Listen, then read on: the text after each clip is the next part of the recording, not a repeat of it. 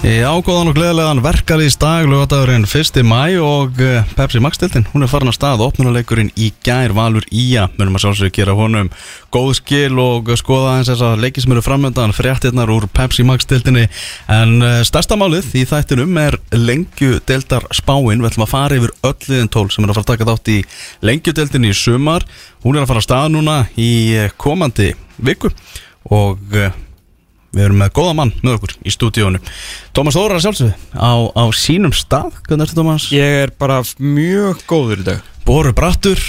Já, ég er ekki, er ekki hann að hægt eftir að horta á leiki í Pepsi Max-deildinni í apríl.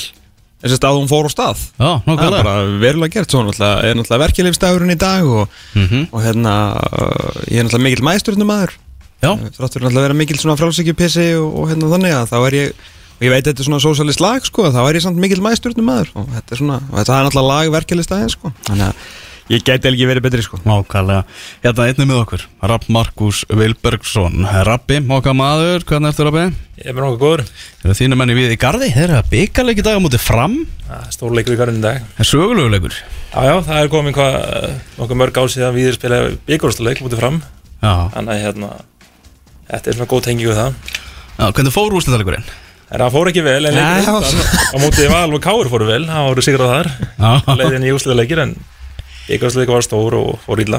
Já nákvæmlega, en hins vegar alveg svakar þetta afrekja á við í gardi að hafa komist alltaf þessa leið. Það er klart mál. Það var svona nettur hérna Það var nettur svona Ísland-Frakland fílingur í uh, byggarústæðleiknum 87 svona af, af myndunum að dæma sko. Já, að þá voru menn svona svolítið vel sattir og reyndar flugu líka á náttúrulega vekk því þetta framliði var algjörlega stórkostlegt á þessum tíma sko. Já, ég er náttúrulega var ungar við tíma og hérna manni gefti leiknur undir en hérna sá hann bara náttúrulega síðan bara í á vídeospólum en hérna pappi náttúrulega var að spila hann á sín tíma og Ok, hennar leik og, og hérna hann er sagn söguna nokkuð oft.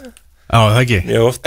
Og sérstaklega var sigumarkinu móti í vali í undaróslun það er hérna Já, segir reglum á því. Já, eð- eðlilega ég, en, en leiði var grít, skilu, þetta var alvöru leiði í úslitin sko ég hef vel að meina ærustu leikun hafi verið um þrótti nes Ok, sextalega og en hérna það var alveg káir að verið. Ah, good shit, Bamber, ég er ánægð með þetta Ég er ánægð með þetta sko. Nákvæmlega, smá sögurslóðir en við ætlum að fara að vinda okkur yfir í Pepsi Max-deltina og opnunuleikin sem framfór í gær. Það Valur mætti Ía á Origo-vellinum fyrir fram að nákvæmlega 200 manns uppselta á leikin Valsmönnum eh, spáð víða Íslandsmeistaratillunum svona á setni stigum eru samt blikadir oftast nummer eitt. Já, þeir sem að Já, ég elska svona þegar menn svona wow, wow, wow, wow, wow, við þurfum að gera eitthvað annað. Og allt í hennu var bara, allt voru allir að fara að spá uh, liði sem að, sem að einn einn fótboltakall í liðinu hefur unni Íslandsmeistaratitil og fyrir 11 árum þá er þeir allt í hennu allir sko meistarakandidat. Eða þeir eru alltaf kandidatar sko. Já, já. En hérna, En ég, en að samanskapið á ákveður með hérna, í ástöður sport að henda skaganum í neðsta seti í, Já. í, í spannu hjá sér. Já, það var, það var áhugavert. Og það, þeir svona fóru það sem að gerðist á setni stigum uh, spádóma fyrir Pepsi-mangstildina var að Breiðablík fór upp í eitt Mhm. og Skæin fór niður sko og ég bæði allavega niður í 12 Já, nákvæmlega. Það gerðist og uh, þessi leikur í gæra, vita náttúrulega allir hlustendur úrslitin, ég ekkert að skúpa þeim. 2-0 enda þetta fyrir, fyrir valsmenn, en við bara byrjum að þessum fyrri háleik sem var svona frekar tíðinda lítill, Rabbi. Já, þetta var engin flugvöldsýning á hérna valsmunum en þetta var svona ekta fyrsti leikur á móti og opnum leikur og, og skæin kom bara skemmtilegur inn og kom kannski aðeins hérna valsmun óvart Mm -hmm. í fyrirháleik en ég held að það var ekki mikið meira en í seindáleik þá náttúrulega bara snerist allt við og, og svona þeir fundu svæðir aftan vörnina trekki trekk hjá hérna, skagamönnum þannig að Mhm. það endalega bara örgu sigur. En ekki, ekki fyrir áleik samt, þú veist, þeir stóðu nú ágætlega svona Það valur skapar ekkert í ég veit og, hérna, og það var bara ekkert í, í bóður og, og e- og einhverju var líklega voru að skagamenn og sínum fáu svona, svona hálfmöguleikum en, en, hérna, en í setnin breytist þetta. Ja, þeir stóðu svolítið svona af sér stormin svona fyrstu 25 miðunar sko, eins langt og það náði, þú veist, það var var náttúrulega eitthvað 76% boltan í, í fyrirháleiknum uh, og æskot skýslan nú bara ekki komin, hann maður nú ekki með heldur þetta sem að sá á, á bara vefmála síðanum í gær sko uh, en þeim gekk rosalega illa eins og segir, þeir fóru ekkit mikið bakvið og við svona, voru aðeins að reyna þarna vinstra með þú veist, Jóhannes Val uh, með á svona með svona nett Bjarn og Óla Sigga Lár tenging komin aftur þar. Þessi Vallar er bara, þú veist, fínasti fótboltamaður sko. Já, það var fínasta frumsynning hjá honum í valstræðinni. og, og að þessar fyrirgjafir sem komin á tegin að það er bara hittu ekki Patrik Pedersen bara aldrei sko. Og þeir stóðu þarna þrýr og, og skölluðu allt í burtu Davy, Óttar og, og Arnamár sko. Mér finnst það líka eins og bara sérstaklega í fyrri að þá fannst mér líka oft bara þess að vera bara einn í teg Já, og það var einhvern veginn ekki fleiri möguleikar í búðu til þess að, og kannski erfitt að hitta einn haus á móti þreymur en svo hérna fannst mér nú að breyta þessi setni þá einhvern náður meiri meiri bara koma bóltan aftur fyrir og ógna miklu mötur Já, maður búin að heyra ekki góða hluti um, um, um skotan hann Alex Davy og maður held einhvern veginn að hann væri að að tróða þessum viðfræ og sokk ofan í menn. Mm Þetta er Eh, fyrir áleikin eftir fyrirháleikin því að hann var flottur en að samanskapið eins og bendir árabi að þá var nú kannski ekki erfiðustu 45 minnundur sem hann hefur staðið á fellinum að vera með tvo hjálparsveina með sér á móti Patrik Pedersen einum. En maður skildi kannski aðeins betur í setniháleiknum á þess að fara að lasta hann ég tala að gefa honum breyk sko en hann er, hann er ekki miklu standi. Það var nú ekki mikið eftir á tanknum Korki og honum í Arnari í setniháleiknum Nei, allir eins og ég sagði það fannst mér líka svona eins og þegar hann var í taktið þá var hann bara í góðum gýr svo sem en þegar hann leið svona og sérstaklega bara upp aðeins setni og rétt fyrir hérna eins og fyrramarkið mm -hmm. þá gera hann svo mist, eitthvað stígur út af vörninu opna svæður aftar sig og, og hérna og býr til þessi svæði sem að þeir eru alltaf góður í Mhm. sem alltaf má ekki gefa og hérna þannig að hann var svona aðeins viltur á köflum fannst mér. Mhm. Ég var einmitt sko að textalýsa svona leik og var eitthvað að hamra ykkur inn í tölvuna líti allt þér upp og þá bara Patrik Pedersen sloppin í gegn, bara einn á móti móti átna, sem var svolítið svona út úr karakter með hvernig skagamann höfðu spilað leikin fram að þessu. Já, þannig að það er svo, eins og Rabbi segir það, svona fór þetta að opnast miklu meira og þeir voru svona miklu fallvaldari í vörnir, voru náttúrulega svolítið framalega akkurat í þessu atviki og þetta er rosalega einfalt mark, ég meina, þú veist, Kæli og kemur og hann einhvern veginn sér bara að skaga herin nána svona stíga upp á sig og svo bara einn sending inn fyrir og, meina, hann slapp einn í gegn, hvað, veit ekki, svona, svona 30 metrar hlaup, sko. Já, já, það er rétt og undan þá er svipað svona, kemur upp að kemstur afturvörðina, þeir gefa fyrir og skæin hreinsar og þá fer svona kannski með smá svona skipla á aðeins skorðum, þeir pressa þessu upp að hann bara í örf á sekundur og en það er nóg til þess að taka vörðinu úr sambandi mm -hmm. Kyle Ó, þarna, þú veist, já, leggur upp þetta mark með, þessari stungusendingu og ásæðan líkjasendingu þarna inn í tegin í, í öðru markinu það er mikilvægt fyrir hann að byrja vel og bara svona eiginlega að vinna sér í náðina hjá stuðningsmennu vals því það eru margi sem er ekkert með hann ofarlega á, á, á svona sínum vinsaldalista Nei, bara fæstir held ég, ég held ég hef ekki ennþá hitt þann valsmann sem að, sem að kanna með hann Horfði nú áleiki með einum í gær, var í, í podcasti hjá þremur um daginn oh. um, og þekkið á nú fleiri og þetta er, þetta er leikmaður sem á já, alls eiginlega ekki upp á pallborðið hjá, hjá stuðnismönnum vals sko.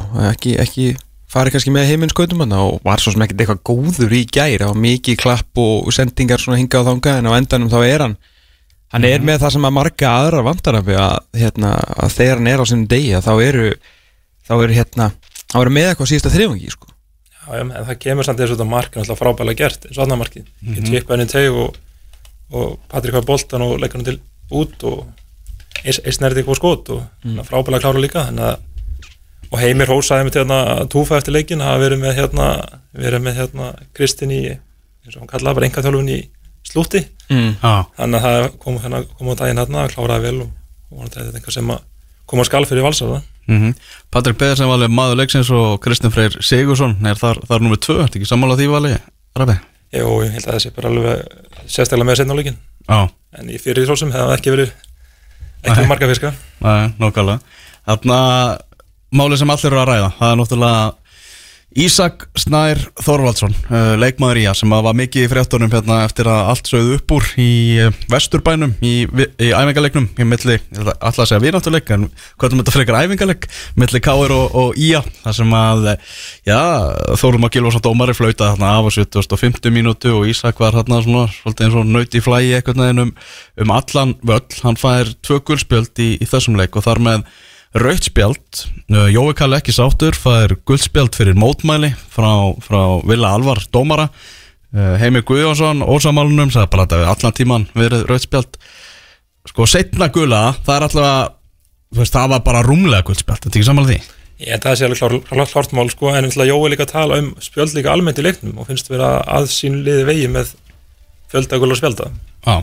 og hérna, ég held að það sé partur á pyrjunum að þessu sko ósátti við þessi mörg spjöld þau fengi á tíðanbili sko. en fyrra spjaldi er svo sem hann líka allavega mjög náðal þegar guldspjöld þannig að ah. ég held að hann geti ekki verið mjög ósátt við það. Þessi líka er mjög sniðugt að þegar þú ert á guðluspjaldi sérstaklega þegar það eru 6 mínútur sem þú fegst guðluspjaldið þá er mjög skinsanlegt að fara ekki í svona einhverja tæklingu með sólan svona 65 cm frá jörðinu sko og, og vera á setni hana skilur, þú veist, hann hefði alveg getað sleppt því til dæmis Mhm. þú veist, af því að þetta er alltaf pjúra gulaspjald þetta setna sko, hann að reynda aðeins að aðeins að halda hausin svo líka eins og þetta Alex Davey gulaspjald, það var bara allt og sitt þar og bara svona klunnalegur og einhvern veginn astanlegur í því og, og þetta kemur þetta hlítuleg eitthvað, eitthvað að stafa því að menn voru bara voru bara svolítið lúnir, mér fannst þetta bara að þeir áttu ekki breyk bara svona í, í svona fysikaldi í leiknum í, í setni álöfnum sko Já, og það kemur líka þetta spjald sem fær setnarspjaldin og það kemur líka út úr því, hann er bara, þetta gerist ekki alveg svakalega ræða, hann Nei. kemur einhvern veginn bara og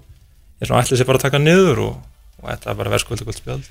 Já, nokkulega. En Ísak, hann er maðurinn sem að flestir eru að tala um á, á kaffistofunum núna, hann hendi hérna í, í uh, tvitt klukkan 2.28 í, í nótt. Ég held að hann er ammal í dag, Ísak. óskum- Já, ok, til að mikið með daginn hann til að mikið með daginn. Eiga ekki Íslandingar að vera grjótarðir vikingar og svo svona hugsi emoji. Mm. Uh, Pepsi Max-dildin þólir ekki smá hörku og það síður allt upp úr kassamerkið soft. Já, ég held að það sem er kannski svona stærsta í þessum fréttum er að, að hérna, þetta er mikið, mikið skettur fyrir okkur íslendinga að við séum búin að missa Ísak Snæ Já. uh, að því að uh, lofandi leikmaður og ég var nú að vonast eftir honum svona þegar maður heyrði á honum fyrst sem ungu manna þetta er nú framtíðar landslísmaður uh, hérna, svona eða hann er hættur að, hættur að skrása sem íslending við erum nú þegar búin að missa eitt í bandaríkjana svona á, á síðustu árum sko að hérna Já, ég er svona 2.28 menn hafa greinlega verið vel hugsi yfir þessu ekki geta, ekki geta sopnað eftir, eftir erfiðan leik, mæntilega mikið spennufall og svona sko Já, það er erfitt að sopna til ekki, Rabbiði. Já, eftir svona tarski og kannski náttúrulega byrja fyrir eitthvað erfilega, þessi aprilmáni eitthvað flóngið fyrir hann.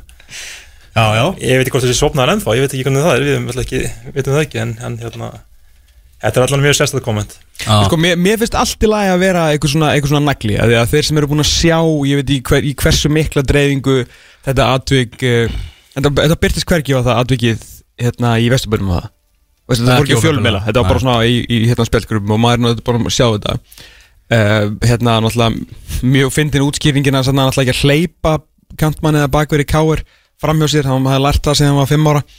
Uh, og fyrir þá sem eru búin að sjá það þá náttúrulega bara stígur hann inn í hann af rosalega mik miklum krafti og gæna náttúrulega beigður eins og flugmóðuskip þannig að káringur náttúrulega bara skýst eitthvað til burtu. Og svo hérna fara þetta rauðaspjald í gær og bara klettarður og alveg tækling og þú veist, kemur smá fyrfáttur inn í aðra leikminn og mér finnst það bara allt í lagi skilju Mhm. bara ef hann er þessi gæi sem að þú stígur inn með hann, setur öxlina þú veist, rífur kjaft, tæklar og svona super duper, bara frábært skilju Mhm.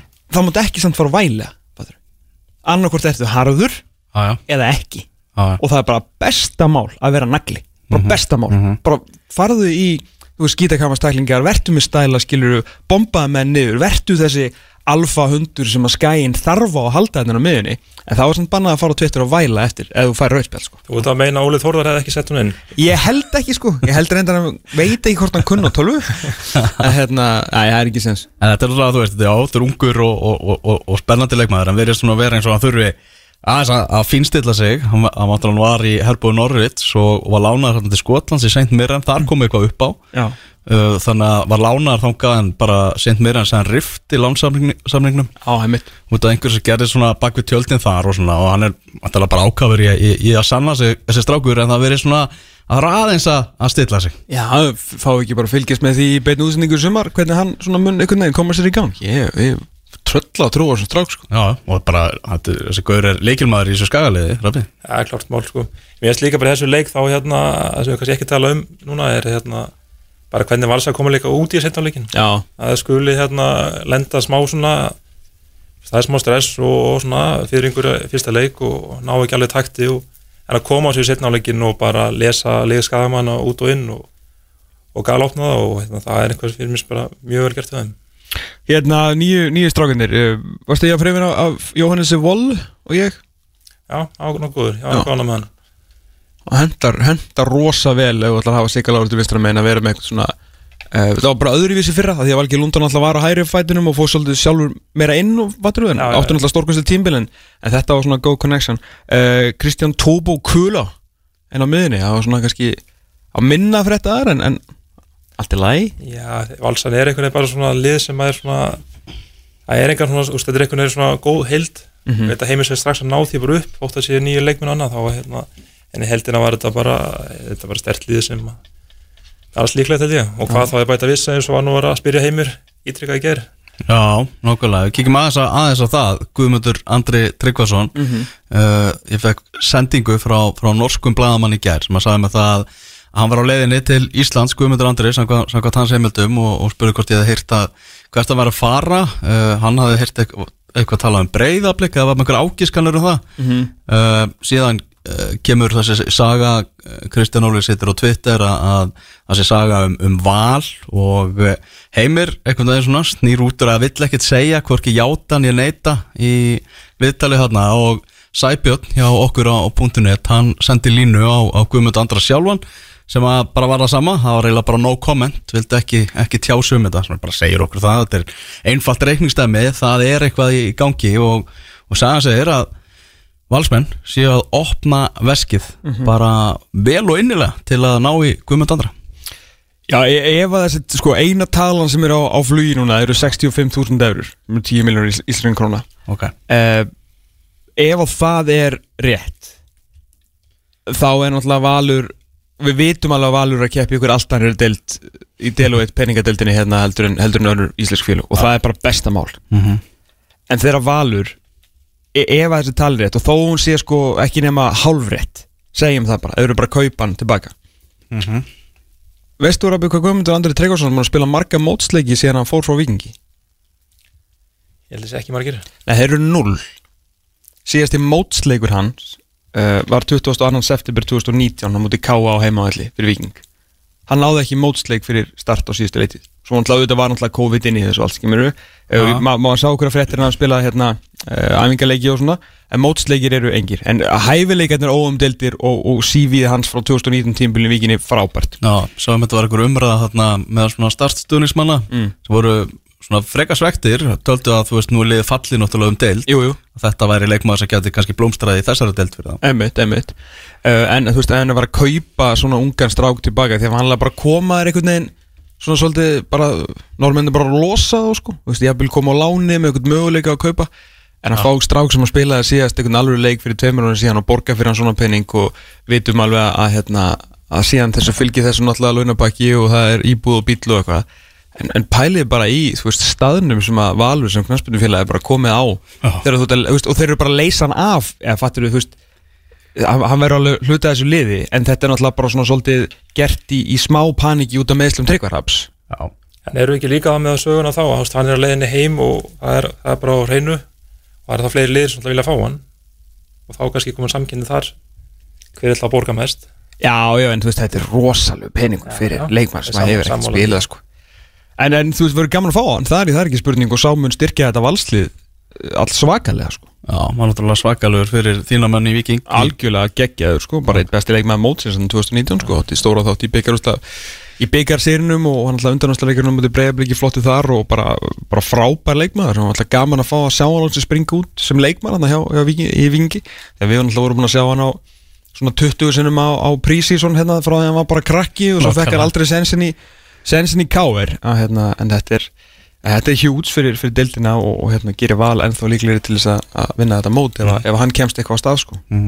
Rabbi, við lokum þessum valur í að leik bara örstuðt, ég meina við vitum allir hvað valsmenn geta, hvað, hvað lærðu við um skagamenn sem að í þessu leiki ger Ég heldur lært það bara að þeir verða þarna eh, líklega í þessum stöðum sem þeir eru spáð hvort sem það er 12, 10, 9, 11 þannig að það er svona það er þeirra staða og, en mér er samt sko Jóhann Skarli vera brattur mm -hmm. og hann er hérna að tala sitt lið vel upp og, og hefur mikla trú á sín lið og þannig að ég held að það er einhvað sem geti spila vel fyrir þá að svo hugsun allana í byrjun en þegar það fer ganga kannski illa þá kannski breytist það en hérna en mér er svona að vera ennþá alveg möguleiki fyrir skagamenn að halda þessu uppi Mm Já, alltaf, alltaf læti í, í skagamönnum Er það vikingar með nýja treyju? Glæsilega treyju? Já, helviti, skemmtileg treyja hann svona farið, farið nýjar leiðir, væga sagt að hérna, svona smá hjartalinuritt, hún er svona svolítið úr fókus hrendurnar í ár.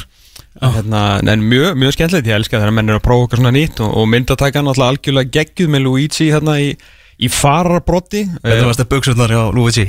uh, Sko málaða þannig að ég vildi óska þess að ég væri svo töff að ég geti púlað þessar buksur ég að fara bara í þessar buksur og vera bara, horfa bara í speilin og vera bara Jep, þetta virkar Við getum þetta ekki sko, við erum bara lokaðir austar inni, við myndum mæta austar í þessum buksum sko. Talandum að prófa eitthvað nýtt menn að F-fáingar prófuðu ekki eitthvað nýtt. Þeir fóru í varatreyðunar hjá Keflavík hérna í, í gær, glæsilega treyjur það vantar ekki. Já, eru, þessi sko, þessi katalóg treyja frá Nike er algjörlega geggjuð. Og má eiga það. Já, já, og ég var ekki búin að, þess að Bjarni Þór síndi mig treyjuna bara svona síma um daginn. Uh, bara á 50 daginn held ég. Og ég var bara, wow, að því mjögst auglýs ekki líka svo töff eins og Hún er K eins og K-ringandi tóku hérna upp á því að, líma hérna alvogen með hérna Ubisoft líminu hérna bara beint framan á búningin svo sem er alltaf alls ekki flott af því að treyjan er fín sko. Mhm. að hérna, og ég sá þessu treyja og bara þú veist hvernig þú ert ekki með, maður svo þegar stjarnan kom fyrstir eiginlega með auglýsingu sem var hluti af búningnum. Þegar voru með hérna orkun, ég held að það var ekki orkan sem var bara hvít. Já, akkurat. Mér varst það svo töff. Þannig að þetta auður dótti kviku og svo þessi treyja og ég var bara wow, wow, wow, wow. Uh, síðan hérna varðu uppi mikill bandir á Twitter þegar, þegar Viljámi Freyr úr Steve Daská hérna maður ætlaði að skauta þessi áttuna. Já. en þá kom valsari nummer eitt og pakkaði honum saman hérna með, með það var, það var mikið það var æsingur á forrættinu í vikunni sko, en þetta er, þetta er kannski svona nægir glæslutmerki og þekkjandi vörumerkjastjóra þar uh, stórvinnur okkar Hlinu Valsson Mhm. að þá erum við múlbundnir og segjum ekki stíðar um, um Nike. Sjálfsögðu. En mínum er náttúrulega voru í Nike á sínum tíma. Mhm. í nokkur ár. Og eini galli við Nike semst á Íslandi er að katalógin er ekki sérstaklega stór.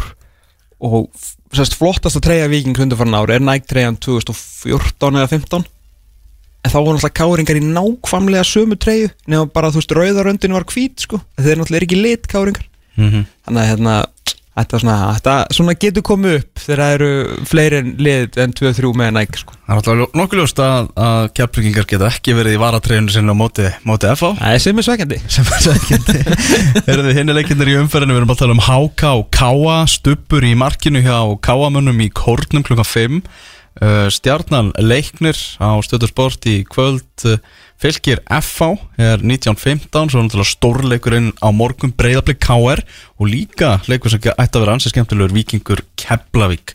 Uh, verður með innkastið annað kvöld þar sem við, við gerum alla þessa leiki upp.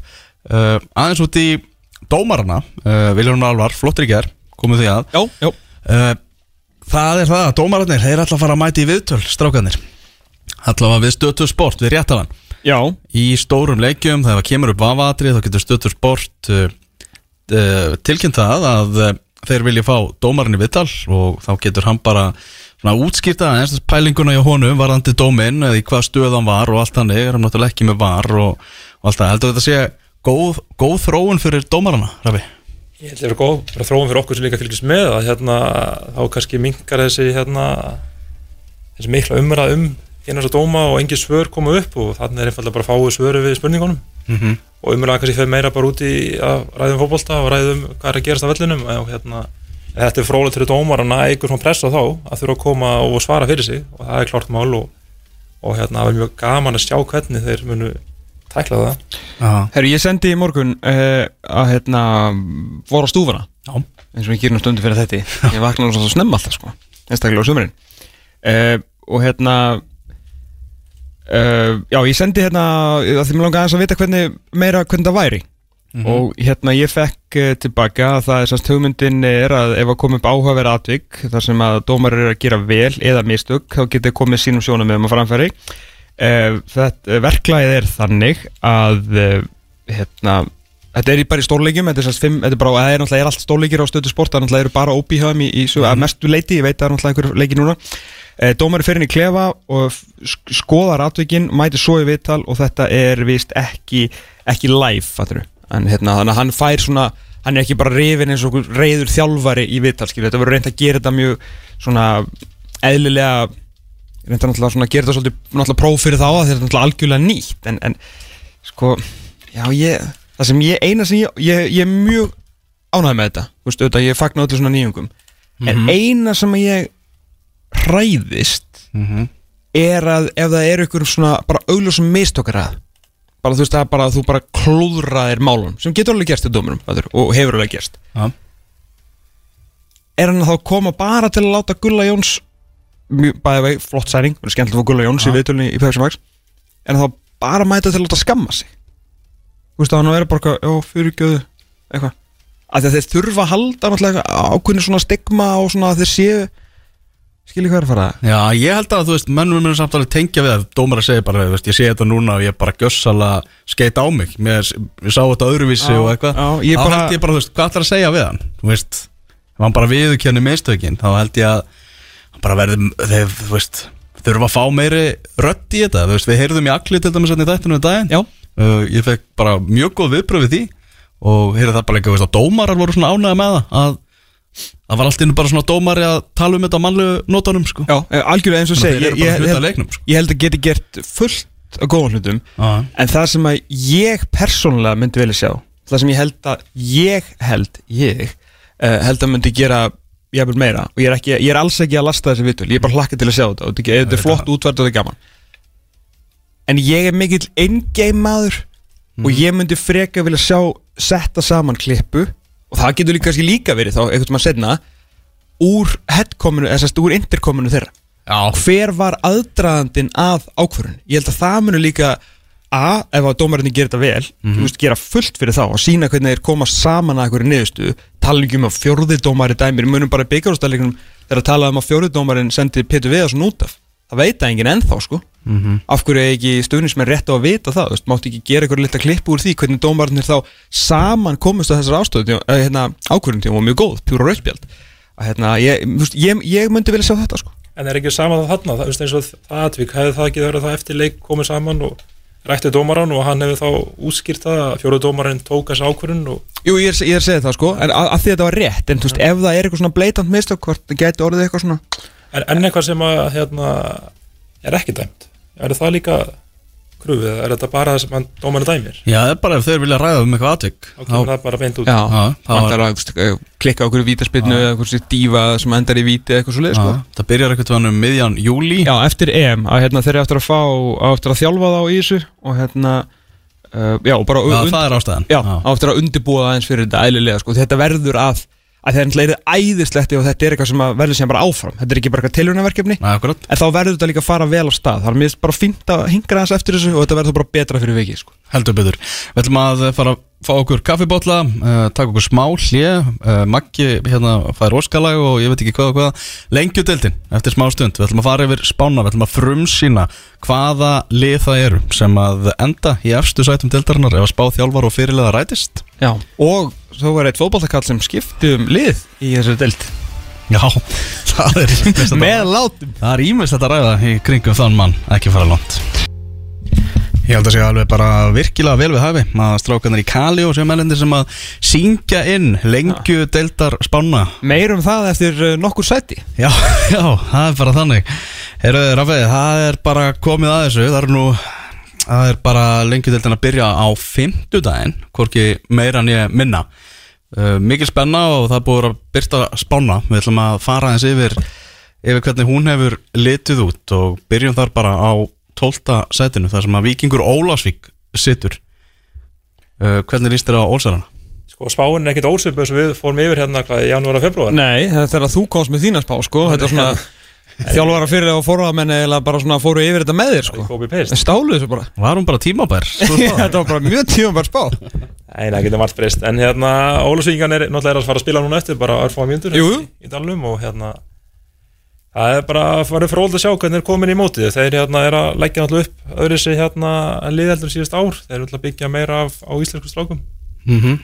en samt náttúrulega fengið líka erlenda styrkingu. Settur þetta félagsmyndaginn með hérna Sigrun í byggarnum það var Já, hann var til gullfálkanum. 15-0 eða ekki? Já, það var- já, einmitt. En hérna ekki það að gefa mikið í framhaldi en, en þetta er svona verið gaman að sjá hvernig þið komin í þetta og það eru hérna leikmenn alltaf með eins og Kek er að koma aftur inn eftir meðsli spilaði smá í fyrra og það halda halda Viljard og, Ingeborg Kort komin í Ólafsvík aftur þannig að hann náttúrulega hefur mikið styrkingu fyrir þá Mhm. en svona fyrst og síðast ef ég að sákjara markmannstöðinu hvernig, hvernig þeir koma, hvernig það kemur út þar kom náttúrulega inn í lið í, í fyrra og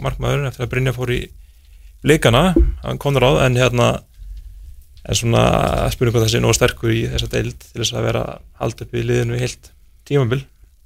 Já, það mun- það það reyna mikið á það er hérna og þeir að vera að fá leikmenn náttúrulega frá Kára, frá Njarvík eða sem Alex Bergmann var náttúrulega njárvíku fyrra og hafa verið að fá leikmenn sem hafa svona verið að spila kannski neðar og, og er að fá tækjafræði í, í fyrstöldinni og það er gaman að sjá hvernig það koma bara inn í það En er þetta ekki bara mjög eðlis spá með að við breytingarnar, uh, nýr þjálfari, leikmenn komnir farnir, menn þú veist bara Missa, Gonzo, uh, Indri Áka, Newberry, þú veist, Dokara, uh, svo sem uh, annar með hann og á mótir komnir uh, hérna, jú, þú veist, Ingeborg Kort, jú, jú, bara, bara fínt sko, en svo svona strákar einhvern veginn, ungi strákar frá IA og, og Alice Bergman okkar, ég menna, þú veist, er þetta ekki bara á pappinum, er ekki byrjulegur að slagast í deildinni? Jú, ég held að ég held að það sé þannig og kannski afsannaði bara strax eftir nokkrum myndum móti þrótturum en hérna En þá getur þið verið næst slagasta liði, þróttarinn eru jú í næsta seti. En þetta er svona, jú, ég, þetta verður allan að mi- mun reyna mikið á það og þeir ætla sér þessar hluti að reyna að breyta stefnunu að vera ekki með svona mikið erlenduleikmunum og, og reyna þá frekar að draga íslenska stráka vestur til þess að hérna sanna sig og sína að, Mhm. en að missa Newbury er hellis mál fyrir það og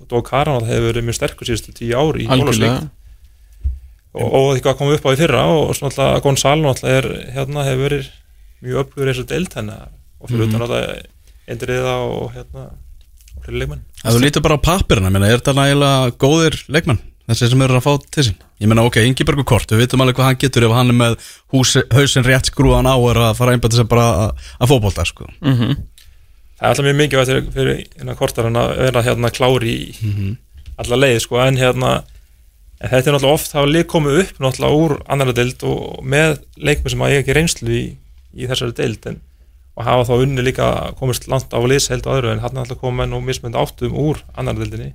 Mm þannig ég, svo sem þeir þurfa alltaf að sína okkur það að þeir verið ekki þarna í endan ég vona innilega að þeir verið ekki þarna en hérna, þetta getur erfitt sumar.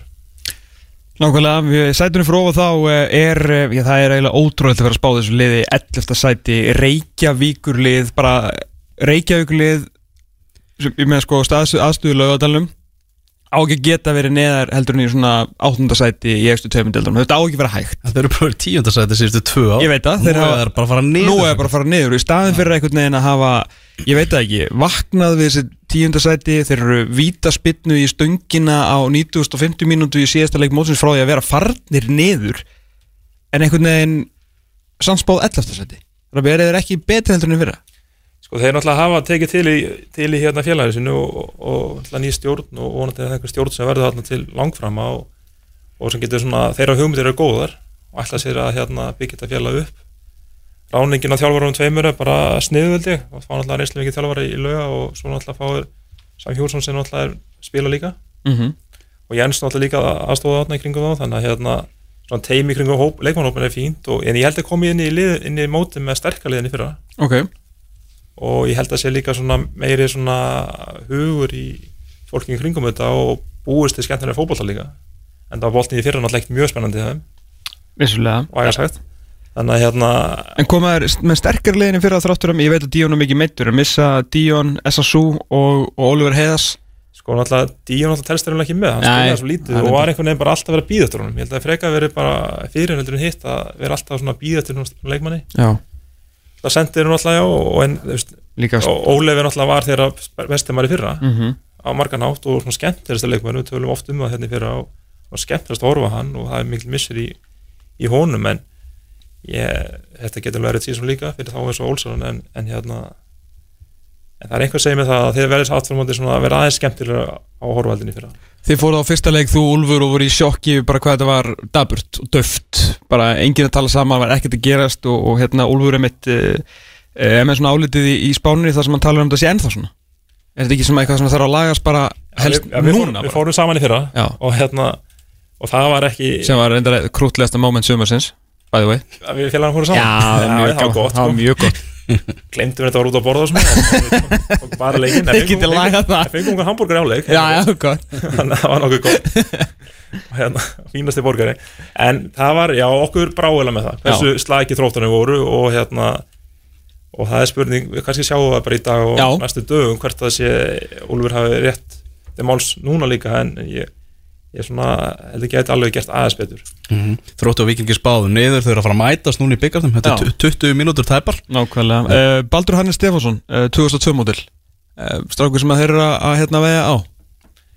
Já, eins þeir ætla sér að koma mörgum strákum upp. Mhm. og þetta er þetta strákur sem á hérna yngurlandsleiki og þetta er svona kannski þeirra svona strákur sem er einn af þeir sem ætla sér að byggja í kringum. Og þetta er alltaf hvað varta sem að miðumæður sem að hérna getur og eru öflugið fyrir það og þeir þurfa að byggja liðis að þróttu þarf að byggja, byrja einhvers þarf að byggja. Og þeir þurfa að halda því saman Menn Ólfur Heiðarsson bara farin Já, hann fóð bara einhvern veginn eins og það var ekkert mál að fara þannig að Já. þetta var svona skringilegt sko að meina, hérna, þú veist, og maður er alltaf að sjá hann fá einhverja alveg mínútur í FO, sko. Já. Og ofan á það, þú veist Liðin sem eru kannski spáð þarna í næðri hluta lengjutildarinnar og treyst á það að fá kannski einhverja lána úr Pepsi Max Það verða miklu færri lánaða núna með að þetta svakalega leikjálag sem er í gangi Það hraðmót í, í efstu deild. Já, liðin efstöldin þú þorir bara ekki að lána það er bara þannig að við erum hvað spilaði sjöleiki ekki núna í mæ Jú, jú. Þannig að hérna og það er mikið ála og við erum ekki að koma út úr eðlu undirbúinsteimili þannig að það er svona eðlilegt að liðið þór ekki að hérna gamla mikið. Til að leiða að lána leikmann er hann fastur í mánuð. Mm -hmm. þannig að hérna að mista kostið þannig að hérna Er þetta ekki nú bara með þess að þetta við gluggan heldur líka sko? sem bara verða, getur ekki verið tilbaka nefnir glugganum sko. að ef, ef þeir hefur verið lánaði fyrir kannski einhverju síðan Mhm. þá það geta kiftið tilbaka núna Ok. þessuna en hérna en náttúrulega lána núna þá er ertu verið fastur sko Mhm. Já.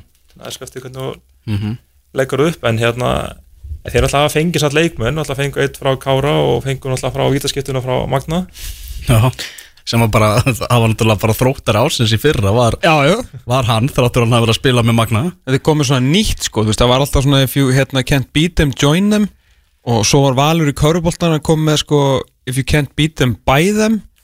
Og nú er þetta komið, sko if he saves you, buy him. Ég er nú ánægð með þetta, þetta er svona, nýja vitir í þessu, sko.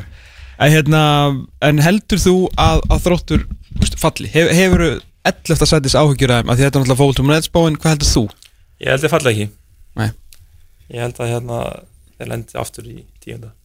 En þetta er svo sko hérna með deildina núna, mér finnst það svolítið svona þetta er ógeðslega jafnt þarna.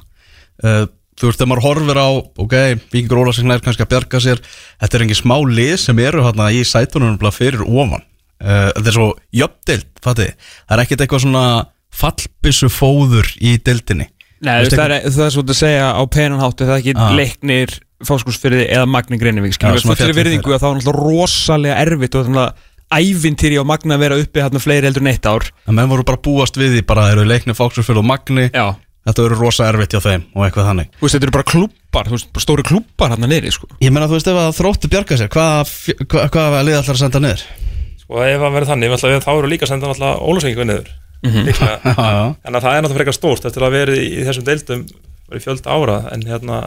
en í seti, er- spáð Selfoss. Já. Það er lið sem að þú heldur þá að fara niður? Þú spá náttúrulega breyst kannski aðeins eftir Já, reyndar, eftir það er, þá komum við að stórum að- og breytum kannski endanlega eru komið með bara þróttur á niður sko. Já, tölum okkur í ringi Selvisingarnir eins og segi tíundasæti komnir aftur upp með eh, Dean Martin sem uh, þjálfara. uh, voru búin að vera bara svona nokkuð spakir á, á leikmannumarkaðanum, búin að fá þetta Emir Dokara sem skoraði uh, mark ársins uh, reyndar í rámt mark núna á dögurum byggjarleikum múti kórdrengjum. Annars hefði rosalega lítið gerst bara til til að svipa lið þar til í gær, Já, það er til ekki er bæng Gary Martin uh, Þetta dæmi allt saman. Í vestmannum uh, Samningi hans náttúrulega rift og, og mörg orð verið sögðum þetta og margir sem er að, að tala um þetta Það er rosalega erfitt að tala um svona viðkvæmt mál Þegar maður reynilega bara veit ekki alveg allt um það. Náttúrulega eina sem við vitum náttúrulega er þannig séð það sem að Garri sjálfur er sagt frá. Því að félagi náttúrulega og, og leikmenn í kringu félagi og hafa náttúrulega ekki viljað gefa mikið upp. Mhm. Og hafa hérna en sko svo er spurningin heldar sagan Garri segir sína sögu. Og ef það er þannig að hann er látið fara út af þessu þá náttúrulega er við hljótum samt að vera þannig að það er enginn látið að Garri Martin fara bara af því bara. Þetta gerir mikið skarf fyrir vestmanningarna réttur um mót, það getur allir einhverju usla inn á leikmannhópsins menn sé ósáttir fram og tilbaka og einhverju er sáttir, aðri ósáttir og þetta er kannski, ég held að segja svona frekar shaky move fyrir IBVF ef málið er ekki stórt, þannig að málið hlýtur að vera stórt. Ég meina það er verið að kæra og ég bara neita að trúa því að sé verið að kæra bara að því bara. Ég veist, það er eins og sögu sem maður búin að heyra, veist, maður búin að heyra að þetta sé, þú veist, mun alvarlegri mynd heldur en margir hafa, hafa haldið og, og, og allt það. Uh, maður veit það ekki. Eins og segir, það er bara erfitt að tjá sig að mynda sér eitthvað skoðun á þessu, en IPF alltaf tekur þessa ákvörun að rifta, rifta samningi og þeir eru ekki að leika sér að því bara rétt fyrir mót. Nei, ég held ekki, það sé alveg á hreinu.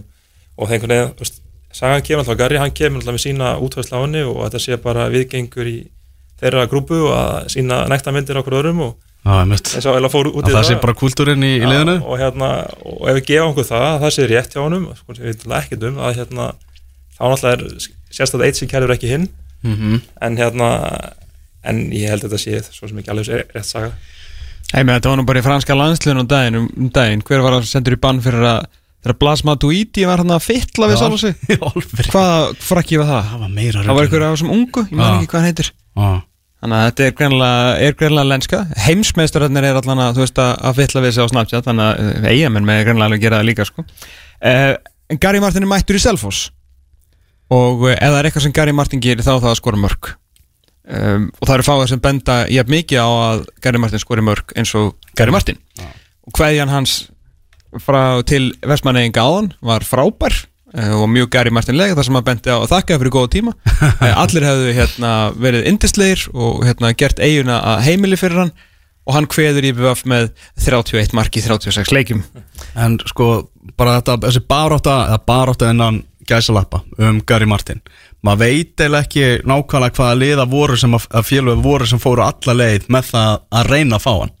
Ég heyrði af Ímis félög var það kannski, þú veist, þjálfarinn var alveg til í það en stjórnin bara ekki séns. Og öfugt. Og öfugt og allt þannig. Það var, ég held að það eru mjög fá félög og uh, það sem að bæ, báðir að, allir aðilar hafi bara hugsað að þetta er, þetta er sniðut það er svona meða við svona orðspori sem hefur farið núna af Gary Martin viðskilnaðurinn við Val og, og bara ímis vandræði sem að hann hefur verið í uh, utan vallar. Þá einhvern veginn þarf ekki svona smá desperasjón til að ákvaða að- stökkva á þetta? Jú, sko, eins og hann alltaf yttir líka fyrir hérna tókits það er ekki smá smá leikmaður Já, en það er hérna þetta er svona það sem ég heyrði bara frá Selfossi bara í síðustu viku að þá var svona alltaf, á ung- yngri leikmönnum og væri að hérna gera eins og bara þeirra ári gera síðustu ár og það væri enginn á leiðinni. Mhm. svo einhvern eins og það kannski hafi allt inni bara komið hann í Gary Martin laus og hvað getur hann gert fyrir okkur? Já, og passar þetta inn í mótilið hjá Selfossi? Það er spurningin. Passar þetta upp í uppbyggingunum sem Selfoss er að vinna með? Svo er náttúrulega önnur að það bara komið utan að komandi aðili bara ég er tilbúin að borga veskið eða taka upp veskið og, og þið fáið Gary Martin. Mm. en samt það er náttúrulega Selfoss þjálfarinn og stjórnin og leikmenn að díla við við það sko. Já, já. En hann skora mörkin, það er bara einfalt og, og, og hann gerir þetta selfostið miklu, miklu, miklu aðtiklisverðara fyrir sumarið sko. breytir öllu þarna. Þannig að ég held að þetta ekki svo sem við verðum bara að sjá hvernig það kemur út og, og, og, og mér erst líka mjög áhverð að sjá hvernig hann og Tókis munu vinna saman. Mjög áhugavert. Og hérna það er eitthvað sem ég veist að vera líka svona frólætt og á sama tíma eru líka þessi strákur Aron Einarsson sem ég nefndi um þannig umfjöldunni að, að sem er ungu strákur sem að vera að spila með tókis upp á topp í kringum hann mm Hvað er það að spila? 4-4-2? Já, hann er svona, vin, já, raunverulega, og hann að vinna í kringum hann oftar en ekki, sko. Já, en hvernig verður þetta núna? Það Tókits er nýja, hann er ekki fella ín í power tíja sko, ég veit hann er stór en hann er samt bara nýja, hann er bara marka sko já, já. uh, Gary Martin líka, ég menn hann er ekki post-up leikmaður, það er hann ekki, heldur að verið saman fram með það og heldur að sér þú það bara með þjálfaraðunum virka Ég er ekki veist um það. En, en það er aftur á móti... Breta að þjálfa á fjóru, fjóru, tveir bara og... se- setur þú tókis á bekkin? Ah, pappa, ég held Og, og ekki setur hann á kantinn? Nei, en þú getur alltaf sett Gary Martin á kantinn Já, sko. já, já.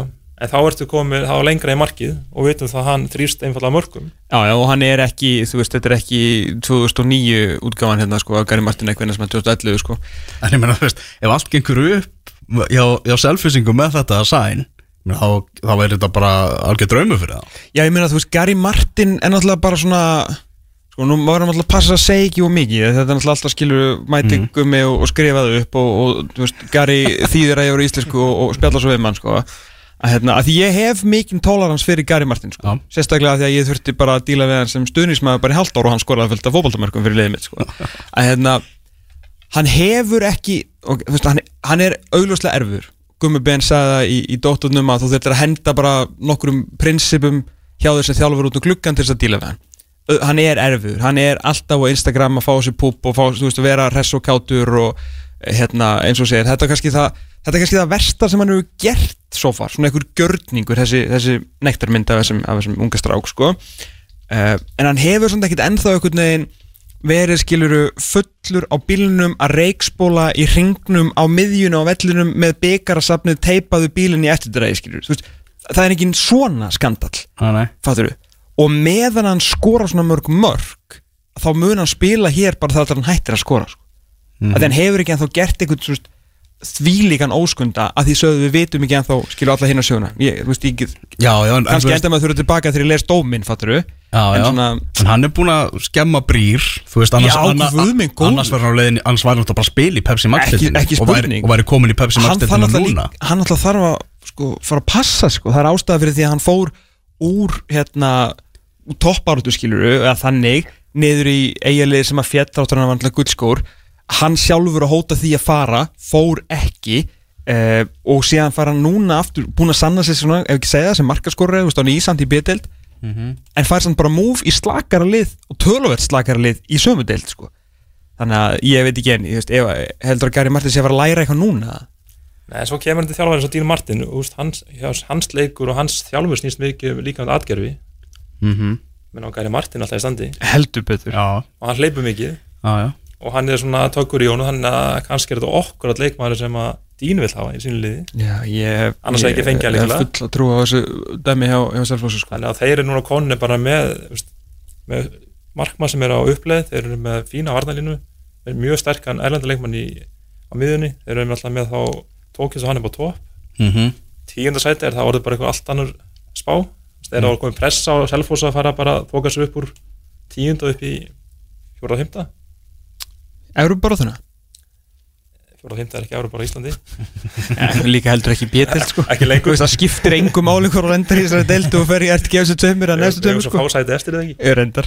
þetta er bara afskapla eins og ég segi, þetta hækkar Selfoss upp í, upp í upp marg, ansi mörg stig bara í að vera áhugavert fyrir sumari Já, og hinn svo kallega Söðurlandslægur sem er bara áhugaverður í handbolta er allt í unn orðið mjög áhugaverður í fótbolta líka sko. Já, þegar Gary Martin mætir, mætir IPVF. Herru, höldum áfram, förum upp í nýjunda sætið með 67 stigir spá fótbolti.net það er aftur elding.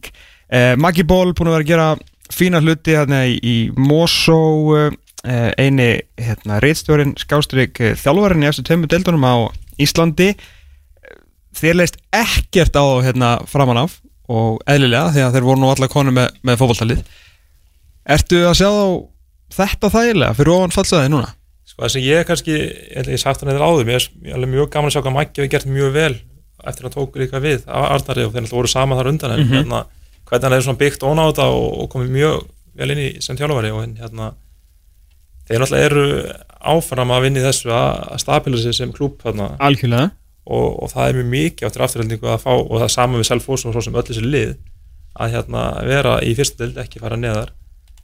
Og þetta er svona lið sem ég held ennþá geti, getur sóast niður og nema að samninga við Kalle og hérna það er verið svona góður að hérna ég get fara að gera eitthvað en, en hérna en mér er bara hérna, þetta er svona það lið sem að ég geti helst síðan myndi sóast neðar heldur en heldur en og kannski þá hleyft þróttar eða vikingu ofar en, en hérna en það er svona aðspurning með styrkingu sem það fengi inn og annað hvort þau sterkið þeir eru og hvort þeim bæti mikið vilið Mm. Sko, þeir eru náttúrulega búin að missa Jasondaða og uh, Andra Flandri. Þannig að tveir af þreim bara leikil sóknarmennu liðsins eru, eru farnir frá, frá liðinu.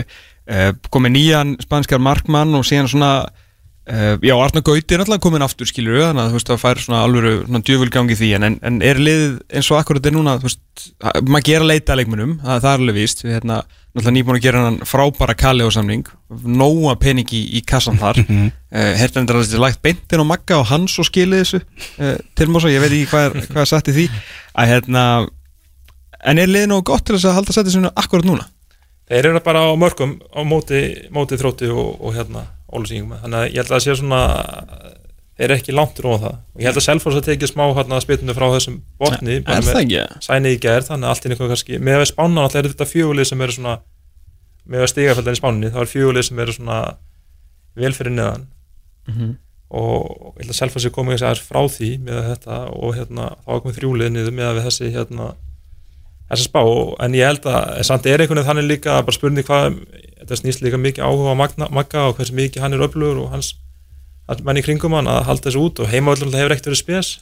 Nei, þannig að það er eitthvað sem að þarf að hérna, eftir á móti þessi kjarni af mósveldingum og strákum í kring sem hafa verið mjög sterkur en þeir líka hafa mist mikið af leikmönnum. Já, en það er líka jákvæmt að félagi segja alveg upp leikmenn og búa til leikmenn þannig að það er svona, en meðan liði heldur sér í þessari deild, þá held ég að framtíð afturlending getur verið mjög góð en, en leið og þeir hérna þetta niður, það getur orðið flæksmálin. Heldur betur uh, afturhalding með nýjunda sætið uh, Arnur Gauti, hversu, hversu mörg mörg heldur hann skori fyrir aftaltíku?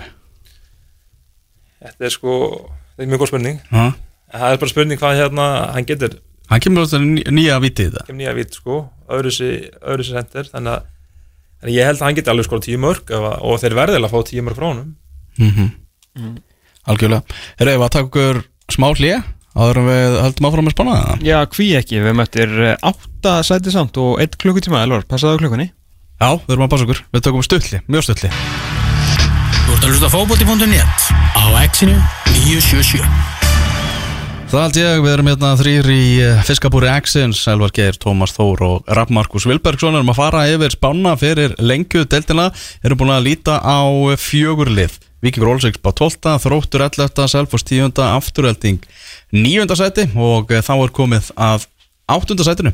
Og þar eru Þósarar á Akureyri. Uh, þetta er ekki sæti sem að Þósarar er eitthvað að fara að nenn að lendi í sumar? Nei, ég held ekki, ég held að það sé alveg ekki Það er hreint mála þegar þetta er eitthvað sem þeir vilja alls ekki vera í og, og stefna alltaf er alltaf miklu ofar en, en það er bara spurning hvernig staðan er á liðinni hilsinni og því uppbyggingaferli sem þeir eru í. En áttundasæti er eitthvað sem ég held að sé algjörlega gali fyrir stuðnismenn Þórsara Já, menn þeir eru enda með Alvaro Montejo sem er bara já, launaðist til leikmaða deildarinnar og, og bara einn svona, eitt svona stærsta nafnið. Já, já, hann er, hann er alltaf er ennþá útið ekki Jú, Ég held að og skora þar. og marka meta eitthvað í spænsku næri deildarinn hlýtur að vera með vídjóan sem maður hefur séð sko. Já, já, hann er duglur að posta þeim. En hérna, hann er líklega klári í skilsminni aðra umfyrirna, þannig að hérna og kemur um helgina frá Spáni og tekur sína svokvi út og, og annað. En hérna, hann alltaf verður klárulega liðstyrku fyrir Þórsarana með stöðunni og, en hérna svo alltaf líka þarna vandamál með markmannsmálunum þar Já, og fann að tók frá skóna, ég hvað ekki spila síðan 2016 eða ekki? Jú, fann að skyndilega mættur. En alltaf hafa hann alltaf mikið efni sín tíma. Mm en hérna svo bara hætti hann í fókbólta einn daginn og en það er spurning hvað ég gera og, og Saga segir að daði sér á leiðinni frá FH Já, á láni þannig að það er spurning hvernig það endar.